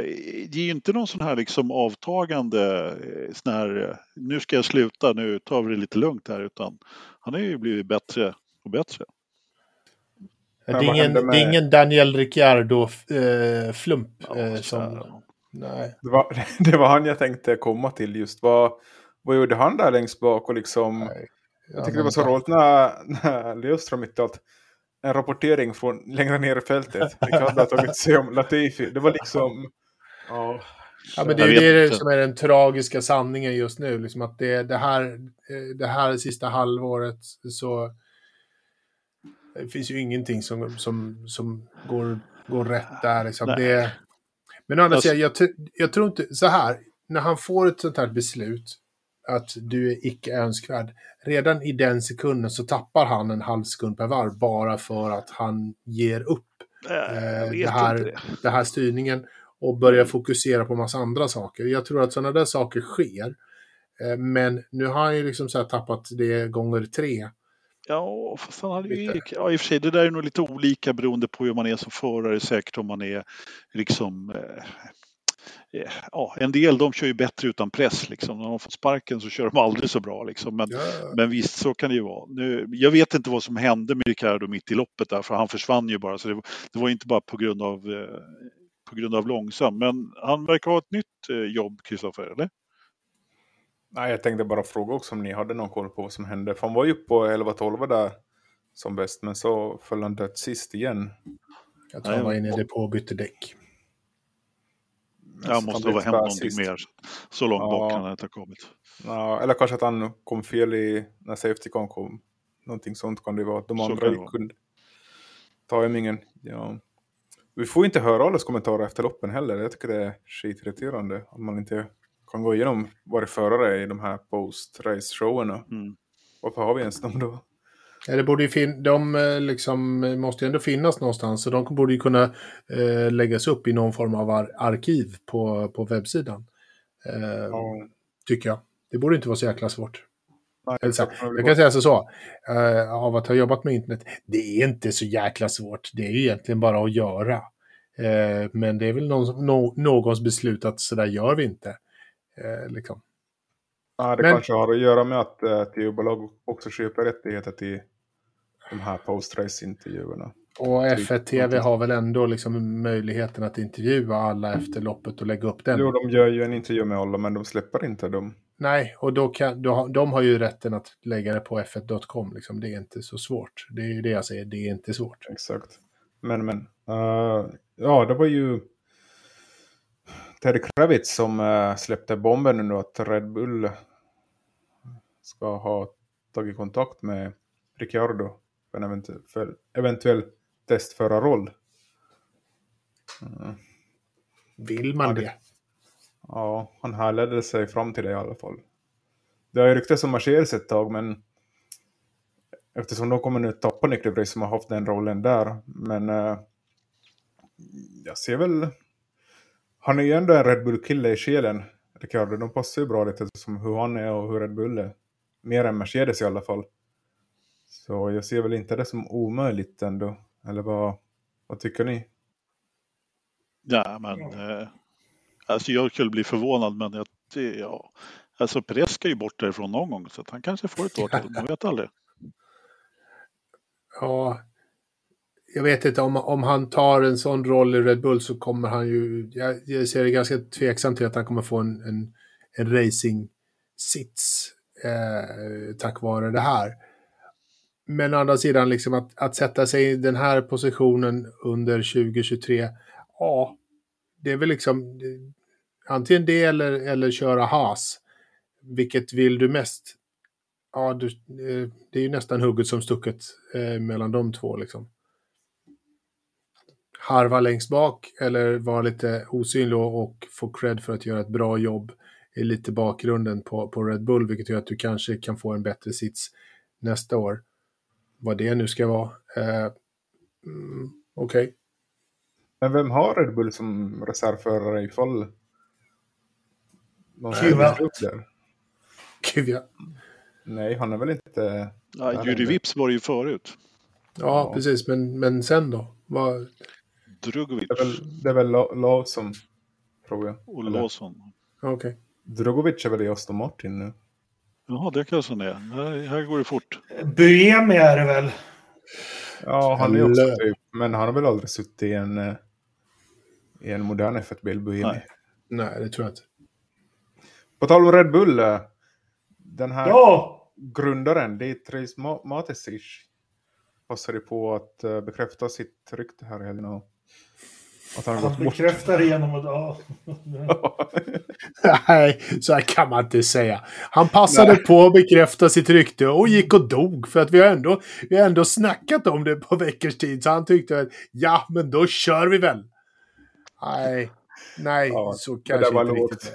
Ja, det, var där lågt. var... Men det jag var förstår vad jag menar. Att det är ju flera veckor sedan det här ryktet gick. Och Han måste ju, man kan ju säga att han måste ju ha varit rätt illa däran där för ett par veckor sedan när det gick rykten om hans död. Så att, Men när dog eh, sen han? har de väl hållit lite liv i honom antagligen då. Lördag. På lördagen gick han bort. Vet vi vad han var för sjuk? Nej, Jag vet inte. Nej, det har Han inte behövde- framkommit. Jag har inte sett Han något. behövde ingen Red Bull för att få vingar då. Nej. Nej. Nej. Ja, vad, vad, vad vill vi säga om honom? Jag tycker det är tråkigt. Han har ju ändå valt en väldigt viktig man för han har haft en väldigt stor passion för motorsporten och han har använt den här läskeblaskan. De kan ju diskutera dess hälsomässiga risker. Men eh, han har ju ändå använt pengarna i, i syftet i att gynna motorsporten i alla fall. Både liksom stallmässigt, eh, förare har fått chanser som de kanske inte skulle ha haft annars och ja, inte bara F1 utan i MotoGP nästan allt som går liksom snabbt adrenalinmässigt.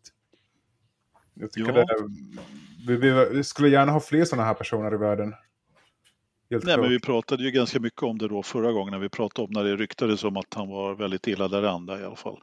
Eh, och eh, han började ju då med att eh, sponsra, Gerhard Berger var väl första Formel 1-föraren om jag minns rätt, eh, som han eh, började sponsra då. Och sen har det ju varit en hel lång rad många andra då. Till slut så eller inte till slut, utan eh, även i inledningen där så köpte han ju in sig i Sauber. Eller han, han sponsrade Sauber och eh, köpte faktiskt en kaka i Sauber. Som han sen sålde eftersom han blev ovän med, eller inte ovän, men han blev osams med eh, Peter Sauber eh, om ett förarval. Jag har glömt bort vem den andra föraren var. Det kommer du ihåg Engelmark? När han, sa- nej, när han signade... Bernoldi. Va? Var det inte Bernoldi? Jo, Enrique Bernoldi var det som eh, Matesis det. ville signa. Då flyttade han ju över sitt till Arrows, ja. Just det. Ja, och precis. Han fixade en sits till honom i Arrows och eh, då signade Peter Sauber Kimi istället. För det var det, det var det de var osams om, eh, helt enkelt. Och sen fick han ju då eh, lite senare chansen då att köpa Jaguar. När var det då? 2004 va? Och måla om de här 2005 bi- bilarna. Och eh, ja, lite senare då så, han, så fick ju hans, hans, hans egentligen största protégé som kanske egentligen inte räknas som Red Bull-förare, jag vet inte. Men Sebastian Vettel tog i alla fall, när han då sen, något år senare köpte Minardi då, döpte om dem till Alfa Tauri, så blev ju faktiskt Red Bull, eh, Red Bullarnas första seger blev ju faktiskt en Alfa Tauri då. Inte Alfa Ja. Tauri, eh, Toro Rosso. Som de hette på den tiden. Eh, 2008 med Sebastian Vettel då när han tog den här eh, regnsegern på Monza. Det var ju, det var ju, eh, var ju en snygg start på det hela, Kristoffer. Ja, jag tänker mest också på vad man hört efteråt att han har inte varit så liksom så öppen med att berätta till media och så här vad han sysslar med och det är inte, han har varit med en person som har agerat mer i bakgrunden. Mm, och det tycker jag väl ändå på något sätt Ja. synonymt med honom att uh, han Ja, har varit väldigt stor profil. Men liksom, jag har varit i paddocken också men jag tror jag aldrig sett honom där. Eller om jag har sett honom så har jag inte liksom reagerat på det.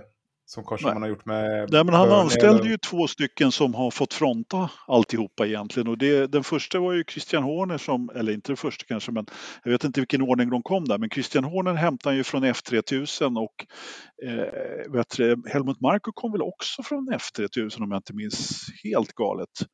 Eh, och jag menar, det, det är ju de två personerna egentligen som har format det hela då. Och som han har puttat fram.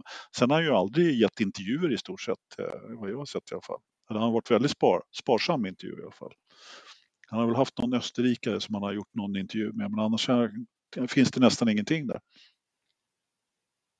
kan vara därför vi aldrig kommer att bli, bli stora eh, teamägare, någon av oss fyra. Vi sitter och snackar skräp i en podd alldeles för mycket. Ja. Ja, men en entreprenör av rang och jag tycker det är tråkigt. Eh, Får se vad som Ja. händer med bolaget efteråt. Ja, det ska ju Ja. bli intressant att se faktiskt. Ja. Men det, Ja, vad, vad tror vi händer då? om bolaget, ja, det är en annan podd. Men, eh, men Formel 1-mässigt så har jag i alla fall visat att eh, Formel 1 som organisation så, eh, såg ju hans, hans storhet och gav honom en liten en tribute där innan start. Jag tyckte, även om jag tyckte det var väldigt konstig eh, och sådär så de, de inblandade var, var nöjda, eller verkade nöjda i alla fall, så det var väl säkert bra. Nej, men på kort sikt ingenting tror jag. På lång sikt så är det ju jättesvårt att veta, men eh, Red, det verkar ju som Red Bull är väldigt förknippat med Formel 1, så man får väl hoppas att de fortsätter sina långsiktiga satsningar. Sen, eh, sen är det ju jättesvårt att, att spekulera liksom vad som kommer att hända, men han har ju uppenbarligen styrt det där med hyfsad järnhand ändå. Liksom. Ja, han var tydligen värd 5 biljoner dollar, den här killen. Diddy säkert. som han tydligen kallades. Danke, Didi. Ja, Ja, ska vi gå över på någonting eh, lite mera ny eh, framåt eh, istället och fundera på den här killen i Williams. ja vi har inte nämnt det. Logan det? Sargent. Ja, Logan Sargent. Han kanske kör Williams nästa år. Det var- ju också ett sätt att tala om att man har signat en ny förare. Ja, men eh, den här killen får köra om han klarar det här och det här. Hur? Ja, det var jättemärkligt. Det var ju på den här presskonferensen för stallcheferna på lördagen. Som eh, Williams stallchef Jos Capito mitt i allt bara klickar och säger bara Ja, jo, han kommer få köra lite mera FP1 år och han kommer köra 2023 bara han får superlicensen. Bara, breaking news sa Tom Clarkson som körde intervjun där. Det var det märkligaste sättet jag hört en förarpresentation. Ja. Vet inte om han försade sig eller vad, om det var meningen skulle komma ut på det där sättet. Ja, det låter, ja, det låter ju att han kanske förstår sig. Det är ju märkligt. Och också var- jättemärkligt att man väntar på den här premissen att han får superlicensen. Man sätter väldigt press på killen tycker jag då. Precis. Att han ska lyckas då i F2-avslutningen. Det, det, alltså, det, det, det ser ju ut som att han får det, men ändå. eh, Den pressen liksom. Vad är det han måste prestera i, i avslutning på? Han behövde topp komma fem sämst eller femma eller något sånt där. Eh, Ja, för det plats som bäst.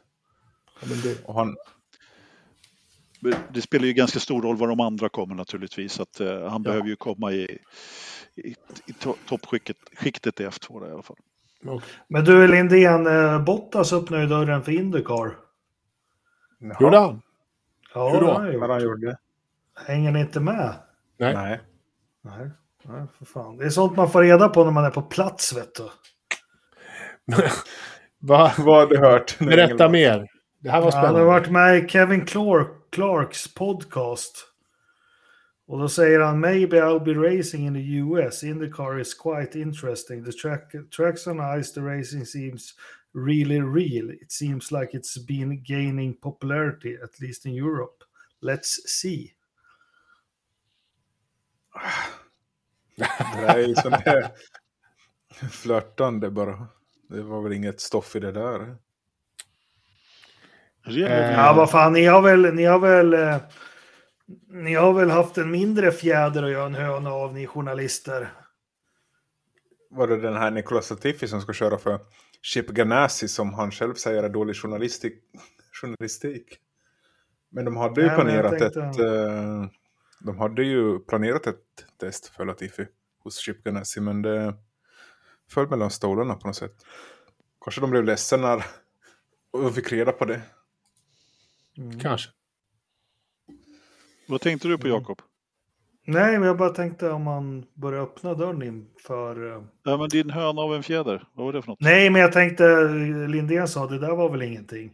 Då tänkte jag att eh, mindre saker har man gjort stora nyheter av. Ah, du tänkte så. Mm. Ja, ska vi ta Haas lilla nyhet också? Gör det. Innan vi går vidare. De får egentligen en ny titelsponsor vid namn eh, MoneyGram.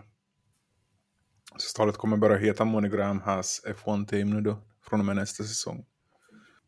Tack vare den här delen kommer de komma upp i budgettaket. Får vi se, är fortfarande en sits ledig där också?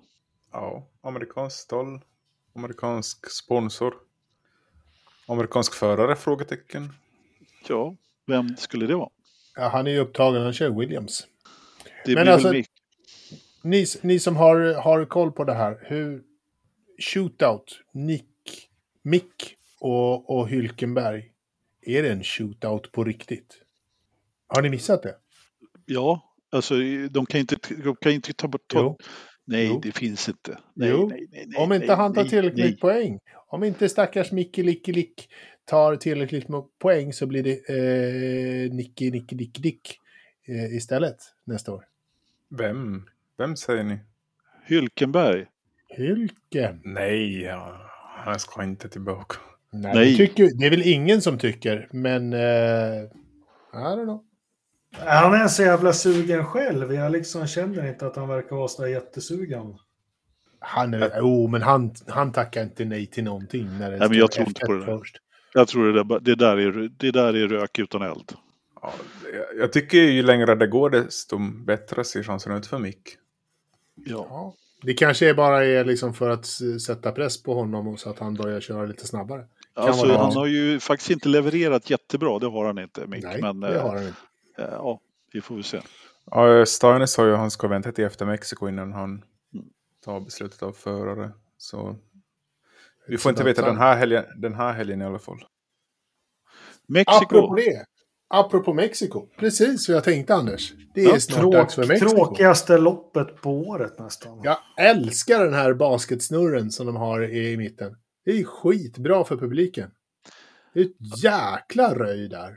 Alltså, ja, det, jag gillar också det, Ridderstolpe. Jag håller med dig. Men det, det den, Mexiko har ju också pre- presterat den absolut bästa liksom, prisceremonin Ja. någonsin. Ja. ja. Som Det när är- han, DJn börjar spela där och det är det vifta konfetti och det är alla man... Och våran finländare bara, vad är det här? Liksom, Precis. den här, va? Vi står vid sidan Ja. och är bara helt, vad fan håller de på med? Ja. Och så, brukar de ha den här, och så brukar de ha den här hissen, att de hissar upp bilen där vid... Ja, det. och, så, och så ser vi pappa Perez någonstans med en mexikansk flagga spela och är skitglad över det fantastiska loppet. Det kommer gå bra för Perez den här helgen. Eh, för att de byter, de byter bil med varandra. Holland och, och Mexiko. Speciellt med Mexikos GP att det körs ju på väldigt hög höjd och det brukar påverka prestandan för vissa motorleverantörer. Mm. Det har ju hänt ett och annat lopp. Jag tycker det brukar bjuda på bra lopp. Det brukar bli lite som, som det här senaste här i, i USA. Lite styrkiga lopp. Det är inte kanske, som Engelmark säger, rent racingmässigt är det mycket raksträckor bara. Inte så många omkörningsmöjligheter. Men eh, på kvalen har ju någon kört rakt fram där i sista kurvan. Drämt in i väggen. Och ja, jag tycker ändå den har en, fyller en funktion på kalendern. Det tycker jag Ja. också, absolut. Ja. He- Hellre Mexiko än mycket annat. Autodroma Ja, men det- det. Herman Rodriguez. Eller vad fan det nu heter. Ja, det är skitlångt är det i alla fall. Mexikos Jag- GP är mycket enklare. Det är, Ja, jag- det. Jack Doe han ska köra en FB1 för alpin också. Är det någon mer som ska... Det är väl, det är väl inte bara han som, som byts ut i, i första träningen. Är det inte flera? Jag Ja, fick för mig att inte- det var jättemycket resten av året. Så att det var väldigt mycket rulle på, Ja. på FB1 nu i år. Ja, men det måste vi väl säga ändå vad vi tycker. Jag tycker det, det här som du har infört nu då med att slänga in en massa rookies på FB1 och ger det så mycket egentligen. Som Harry Austin var ju de fem, de fem sista i, i FB1 var ju bara rookies och Giovinazzi då som kraschade bilen. På tredje varvet eller vad var det? Ja, exakt. Så ger det faktiskt så mycket eller vad, vad är liksom poängen med... Det ger nog förarna ger det nog en del. Liksom. Men Ja, men jag Jag tycker vet det som man liksom hotar upp det med att ha Palodo som kör McLaren så här och sen jag tycker utdelningen inte är så bra. Förutom...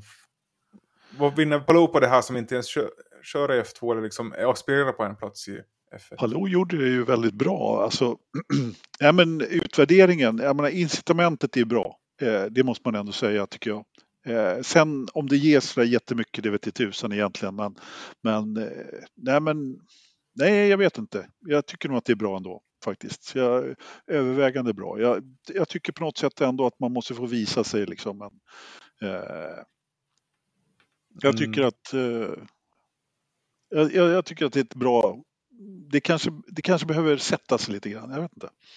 Vi får ju ändå se lite nya namn och lite spännande namn. Ja. Menar, stallen måste ju ha liksom på något sätt kunna utvärdera förarna. Sen att de sätter en gammal Indycar-förare där, ja visst. Eh, gammal? Ja, 25 är jag väl ändå. Ja, oh, herregud vad gammal. Lastgammal för fan. Ja, ja Men, det var... Han det var, var inte... Ja, säg. Jag, jag skulle bara säga att han var inte långt bakom Norris där på samma däck i alla fall, någon tiondel. Förlåt Kristoffer, vad sa du? Ja, det var Fittipaldi som ska köra för Haas och Sargent för Williams då. Det var, mm. Så det blir tre stycken då i FB1. Okay. Men äh, det är ett steg framåt det här, men det är inte kanske det vi vill. Jag skulle hellre ha den här juniorbilen som olika juniorer får köra med som någon.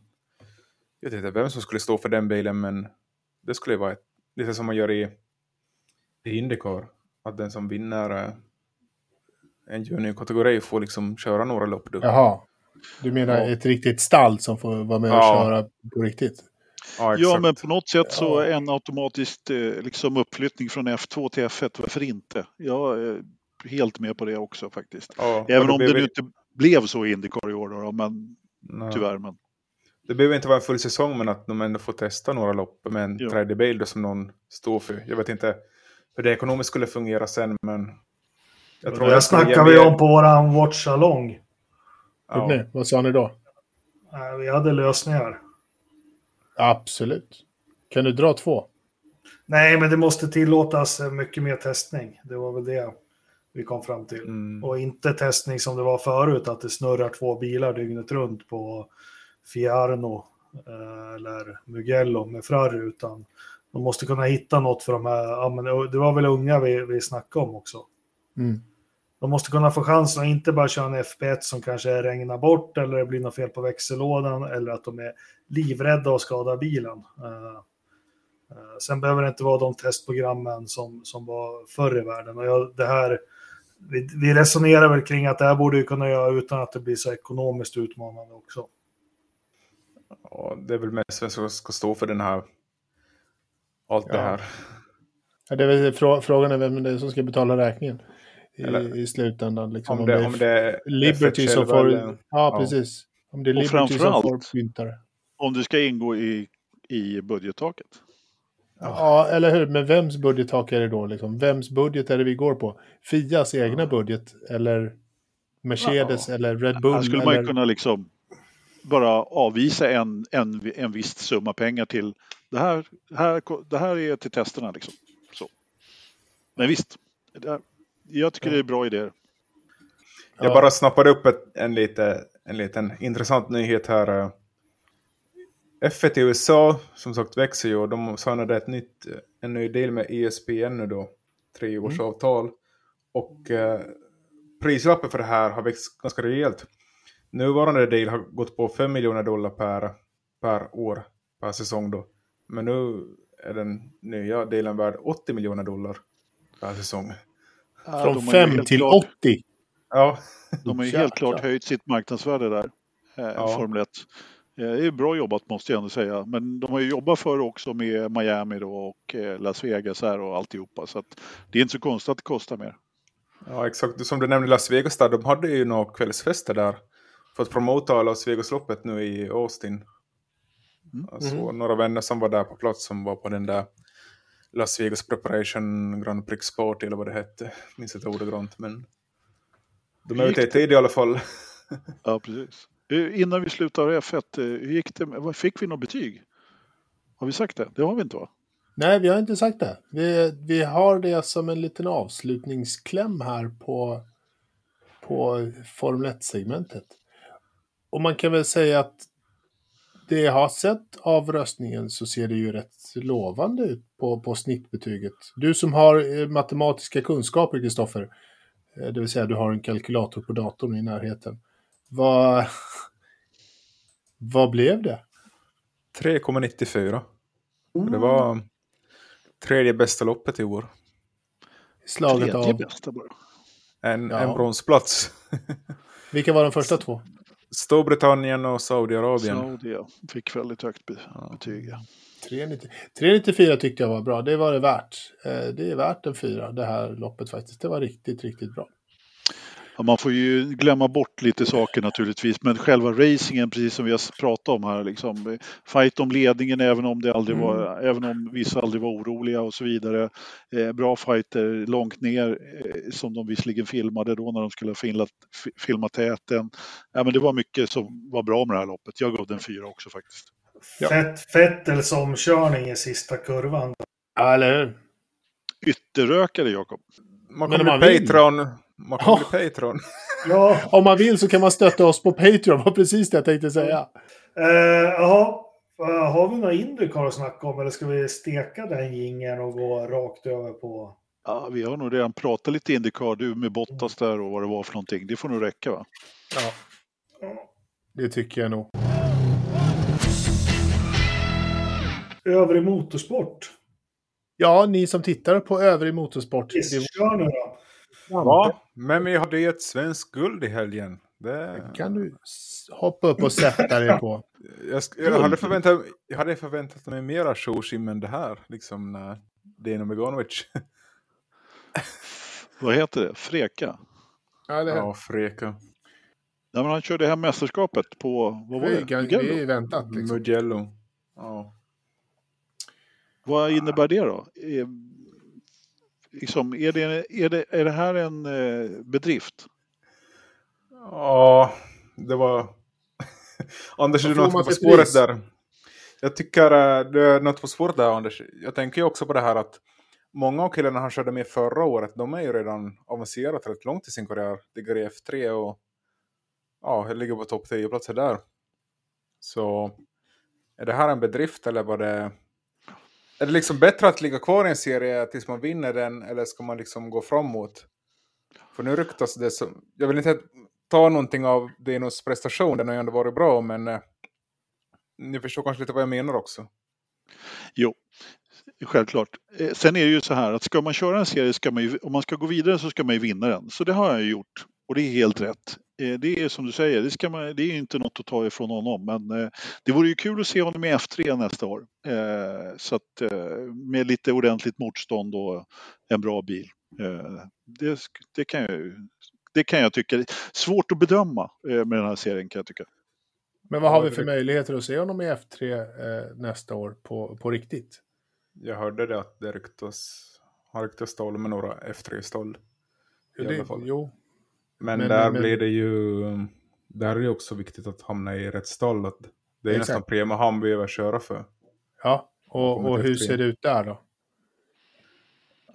Det är fortfarande de Ferrari Junior vi pratar och han har haft liksom backning och, och sådär. Men är det tillräckligt intressant för, för Ferrari att sätta honom i Prema? Har han, har han kört så bra? Alltså hans stallkamrat Paul Aron så är ju redan bekräftad i F3 nästa år. Mm. Som var hans stallkamrat nu i Freko som vann för övrigt det här loppet där han blev mästare. Men eh, sen är det resten to be announced. Så det är mycket... Mm. Och det är Mercedes Junior. Paul Aron. Nu har ju Dino haft hyfsad backning så här långt om jag har förstått det hela rätt dessutom. Eh, så att det är väl... Och det är alltid svårare ju längre upp i eh, klasserna man kommer liksom. Så att eh, ja, vi får se. Jag hoppas att eh, han får en chans i F3 så vi får se vad han går för i alla fall. Ja, vi vet ju att killen är snabb liksom. Men ett, en rejäl styrning i F3, det blir jättebra det. Vad har hänt mer i helgen, Kristoffer? Ja, det kördes ju också italienska F4 här.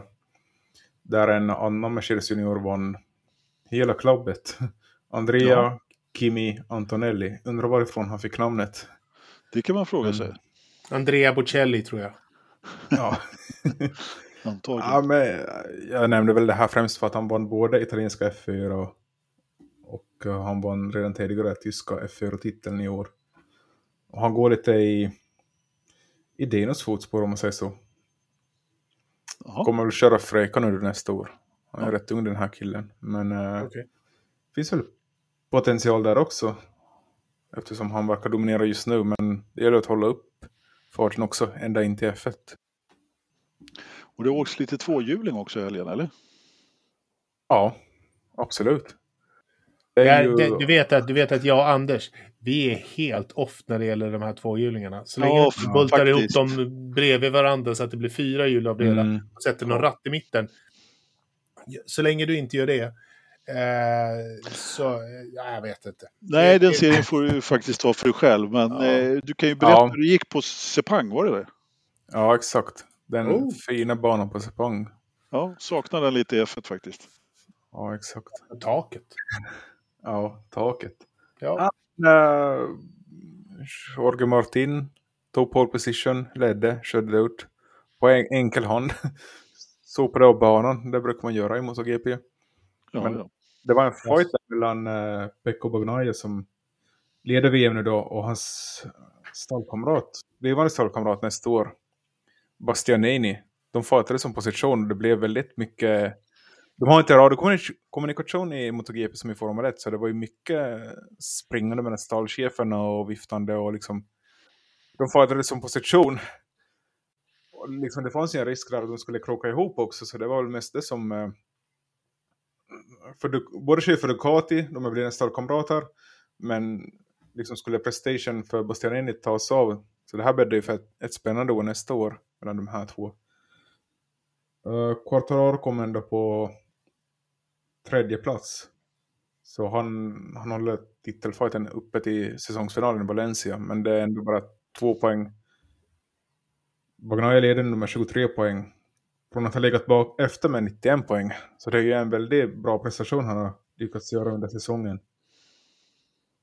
Fylleköraren Pecco då. Som man fortfarande inte har liksom släppt någon officiell release om. Det enda som har kommit ut är det här han skrev på Instagram. Typ. Ja. Ja, att han var Där väldigt- kan man ju också skriva om man vill. Ja, exakt. Exakt. Så ja, det blir italiensk Ja. vinnare i MotoGP i år om inte han kraschar ut. Det är ungefär så det ser ut inför Mm. finalen som går nästa vecka. Allhelgonahelgen på Ja. Valencia. Så där ja. ja. Ska vi, eh, ska, ska vi dra, dra några ord om eh, rally i helgen också? Vad var det för något? Vad, vad, jag har glömt var det gick någonstans. Spanska rallyt. Korsika? Ja. Korsika. Kors i taket. Det- Det är väl i Italien. Nej, Sardinien. Eller var, var inte Ja. där de körde? Sardinien. Katalonien. Katalonien. Katalonien. Du har Ja, åtminstone, Kat- Katalonien åtminstone i Spanien. Ja, Än så länge så har vi bara jobbat oss tyckte jag sa närmare. franska. Ja, nu blev det väldigt rörigt här. Eller hur? det spanska va- VM-rallyt? Ja, bra. Spanska Ja, VM. Jag vet inte vad du pratar om. Men Spanska eh, räven. Ja. Räven, annan räv. Ja, i, i Katalonien. Det var lite dålig hörsel här. ja, jag märker det. Hur gick Ja. det då? Är det någon som har lite koll på, på rallyt i Spanien? Jag har Ja, och Cher vann. Toyota fortsätter dominera den här säsongen.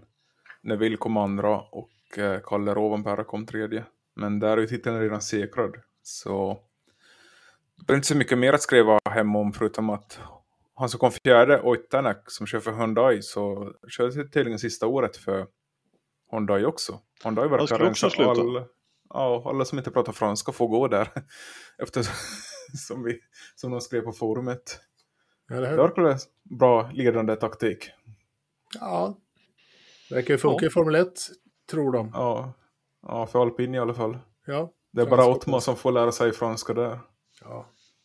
Han gör nog det över en flaska vin eller två. Så går det nog bra, ska du se. Mm. Jaha. Någon fler övrig motorsport?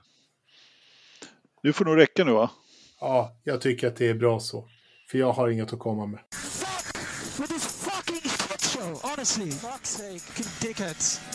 Jaha, veckans förstappen. Vem vill börja? Jakob vaknar till liv när det kommer till det. Det viktigaste i hela Nej, jag har varit vaken hela tiden. Jag sitter och läser på min telefon för jag får ju inte läsa på datorn för er. Nej, det är riktigt. Jag har tagit, jag har tagit upp körschemat på telefon. Veckans förstappen. Eh, för mig är det ju ganska givet att, att livsfarliga manövrar inte eh, håller till i, i det här sporten. Det är därför vi har en punkt som heter veckans förstappen. Eh, Lance Stroll, don't do it. Don't do it. Den mest givna förstappen På sen länge. jag vet inte vad. Ja, länge sedan. va?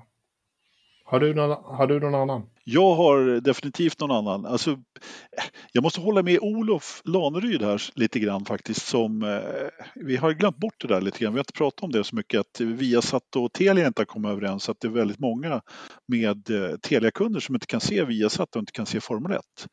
Eh, alltså jag, jag, jag vill men- men- väldigt gärna Men de fick ju lite Netflix nu istället här läst till kunden. Så de kan se Dra till Survive istället. ha Det är ju- jätteglada för det. Och Säkert. eh, Ja, den där andra serien. ja. Nej, men jag hade gärna gett eh, min förstappen till track limits. Men, jag, men jag, jag, Telia och Viaplay får en gemensam här för att de inte kommer överens. Då. Ja, min. Verstappen blir uh, Russell. Ja, Sara. den är för enkel. Det, det känns lite som ett öråd här. Jag följer med Robinson med min nya tjej. Du, Så- då är du 25 år sen på bollen. Men, Eller ja, hur? Jag, jag såg också första säsongen måste jag säga. Ja, ja. Så du har haft ett uppehåll på 24 år. Men Ja. okej, Russell. Vad, vad, eh, vad Russell känner, får min röst i Vad, örådet. vad känner, känner före detta Västerås, numera Dal-killen? Ja, men det är den enda riktiga... Första... Nej, men eh, fan jag... Förstappen får Förstappen. Det var länge sedan Förstappen fick veckans Förstappen. Men han får min Ja. Förstappen för att han eh, efter att depåstopp eh, kritiserade sitt team som gör allt för honom har gjort senaste säsongerna. Eh, och eh, på samma vis så tyckte jag det var jävligt tufft av om det var hans ingenjör som bara lägg av nu. Vi, vi gör det här tillsammans. Det var hans teamchef. Ja. Ja. ja, men det tyckte jag var starkt för en gångs Vad, skull. vad Eh, var det han sa? Jag minns inte. Oh, great pit stop. eller något sånt. Fucking Excellent. beautiful. Ja, Ja. fucking beautiful. Ja, Men fucking beautiful. shit show! Beautiful. Beautiful var Ja. det. ja beautiful. Så var det. Fucking Han har lärt sig att inte svära utan nu har han sarkastisk istället. Ja, fast Ja. han svor också. Men, eh, ja. Nej, jag håller med. Det var faktiskt en bra. För så där gör man inte. Jag reagerade ganska starkt på det när jag hörde det i, i sändning. Det var inte snyggt. Sen Inte okej. måste jag komma ihåg att de klippade också väldigt mycket de här radiomeddelanden. Jo, men att efter ett eh, depåstopp eh, så här, kritisera sitt stall för att det går fel en gång på, på ett helt år. Fanskapet har ju dessutom redan vunnit VM. Ja, eller hur? Ja. Jo, säkrade det- de ju konstruktörs-VM också. Jag vet inte om vi har sagt det. Har vi gjort det? Men nu har vi gjort det. Det räcker. Ja. Bra, Så grattis. aldrig Zlatan bete sig. Arroganten själv. ja. mm.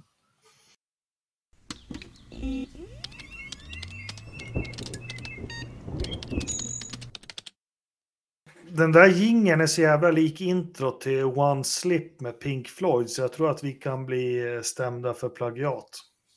Oops. Ja. Men alltså all musik som görs idag så är ju samplat från gammal musik. Så jag tror vi, Nej. vi är säkra där. Jävligt underskattat album från 86 som den låten kommer. Ja, 87 är den från. Momentary Lapse of Reason heter den där Pink Floyd. Skitsamma, det är en grad ute. Eh, 97 procent fukt ute. Det är 44 procent. Eh, fjällbuan är ju svintråkig. Kåtorna är hur tråkiga som helst. Snödjupe, ingen snö än. Fågelbordet eh, är otrafikerat. Eh, eh, Pastis låter hälsa att det är vackert med vita fjälltoppar. Eh, och att han fortsätter med rådjursmatningen. Det är senaste nyheterna på bloggen. Eh, ja, vad tror ni då? Eh, 19,6 i köket. Nu sparar han på energi här. Vad har vi i datorn? 10,8. Fel, 12,3. fel. 11,6. Fel. 11,3 är det. Ni var nära allihopa. Ni var nära allihopa. Ja. Eh, vi har inte gjort reklam som vi ska. Glöm inte, vad heter det? YouTube. YouTube Patreon. och Patreon och Swish. West Coast Motorsport. Men West Coast Motorsport. eh, Ja, just det. Vi har ju kampanjen nu där. 20% på våra, vår merch. Exakt. Ja. Kaff, kaffekoppar, tröjor och använd koden FORSA20. Ja. Forsa 20. For, Nej, säger man du- Forsa eller Forsa eller? Forsa 20. Forza. Forza 20. Forsa. Jag. Jag hörde det här. F-R... F-O-R-S-C-H-A. Forsa. Jag hörde det här. Svegas har en kaffe som heter Forsa. Jag vet inte, har de frågat oss om det var okej? Men Vet du var Suegas kommer ifrån? Leksand. Nej, för fan. Från Helsingborg. Ja. Är inte det skåningar det? Helsingborg. De har sin kaffefabrik kaffe, fabrik i Helsingborg. De ägs av Nestlé. Blomqvist gissar på 22 grader. Lite Ja, men- varmt kanske. Eller så är det så att han, han precis eh, berättade hur varmt han har det i badrummet. Det vet vi inte. Det är, så kan det också vara, det vet man aldrig. Eh, En till förstappen det är att Knös inte var med idag. Ja, men, men så är det ibland. Ja. Ja, Han fick väl ingen inbjudan tror jag. Men vi kanske ska avrunda podden, tycker du, Jakob? Ja, vad säger du? Ja, ja. här på er. tack för att ni lyssnar. Hej då! Beställ en Forsa-list. Köp på merch. Gör något mer. det är tre saker man ska göra alltid. Nej, pussa er pojk eller flickvän. Ja. Gör Det. På de orden. Vi hörs i helgen igen nästa vecka.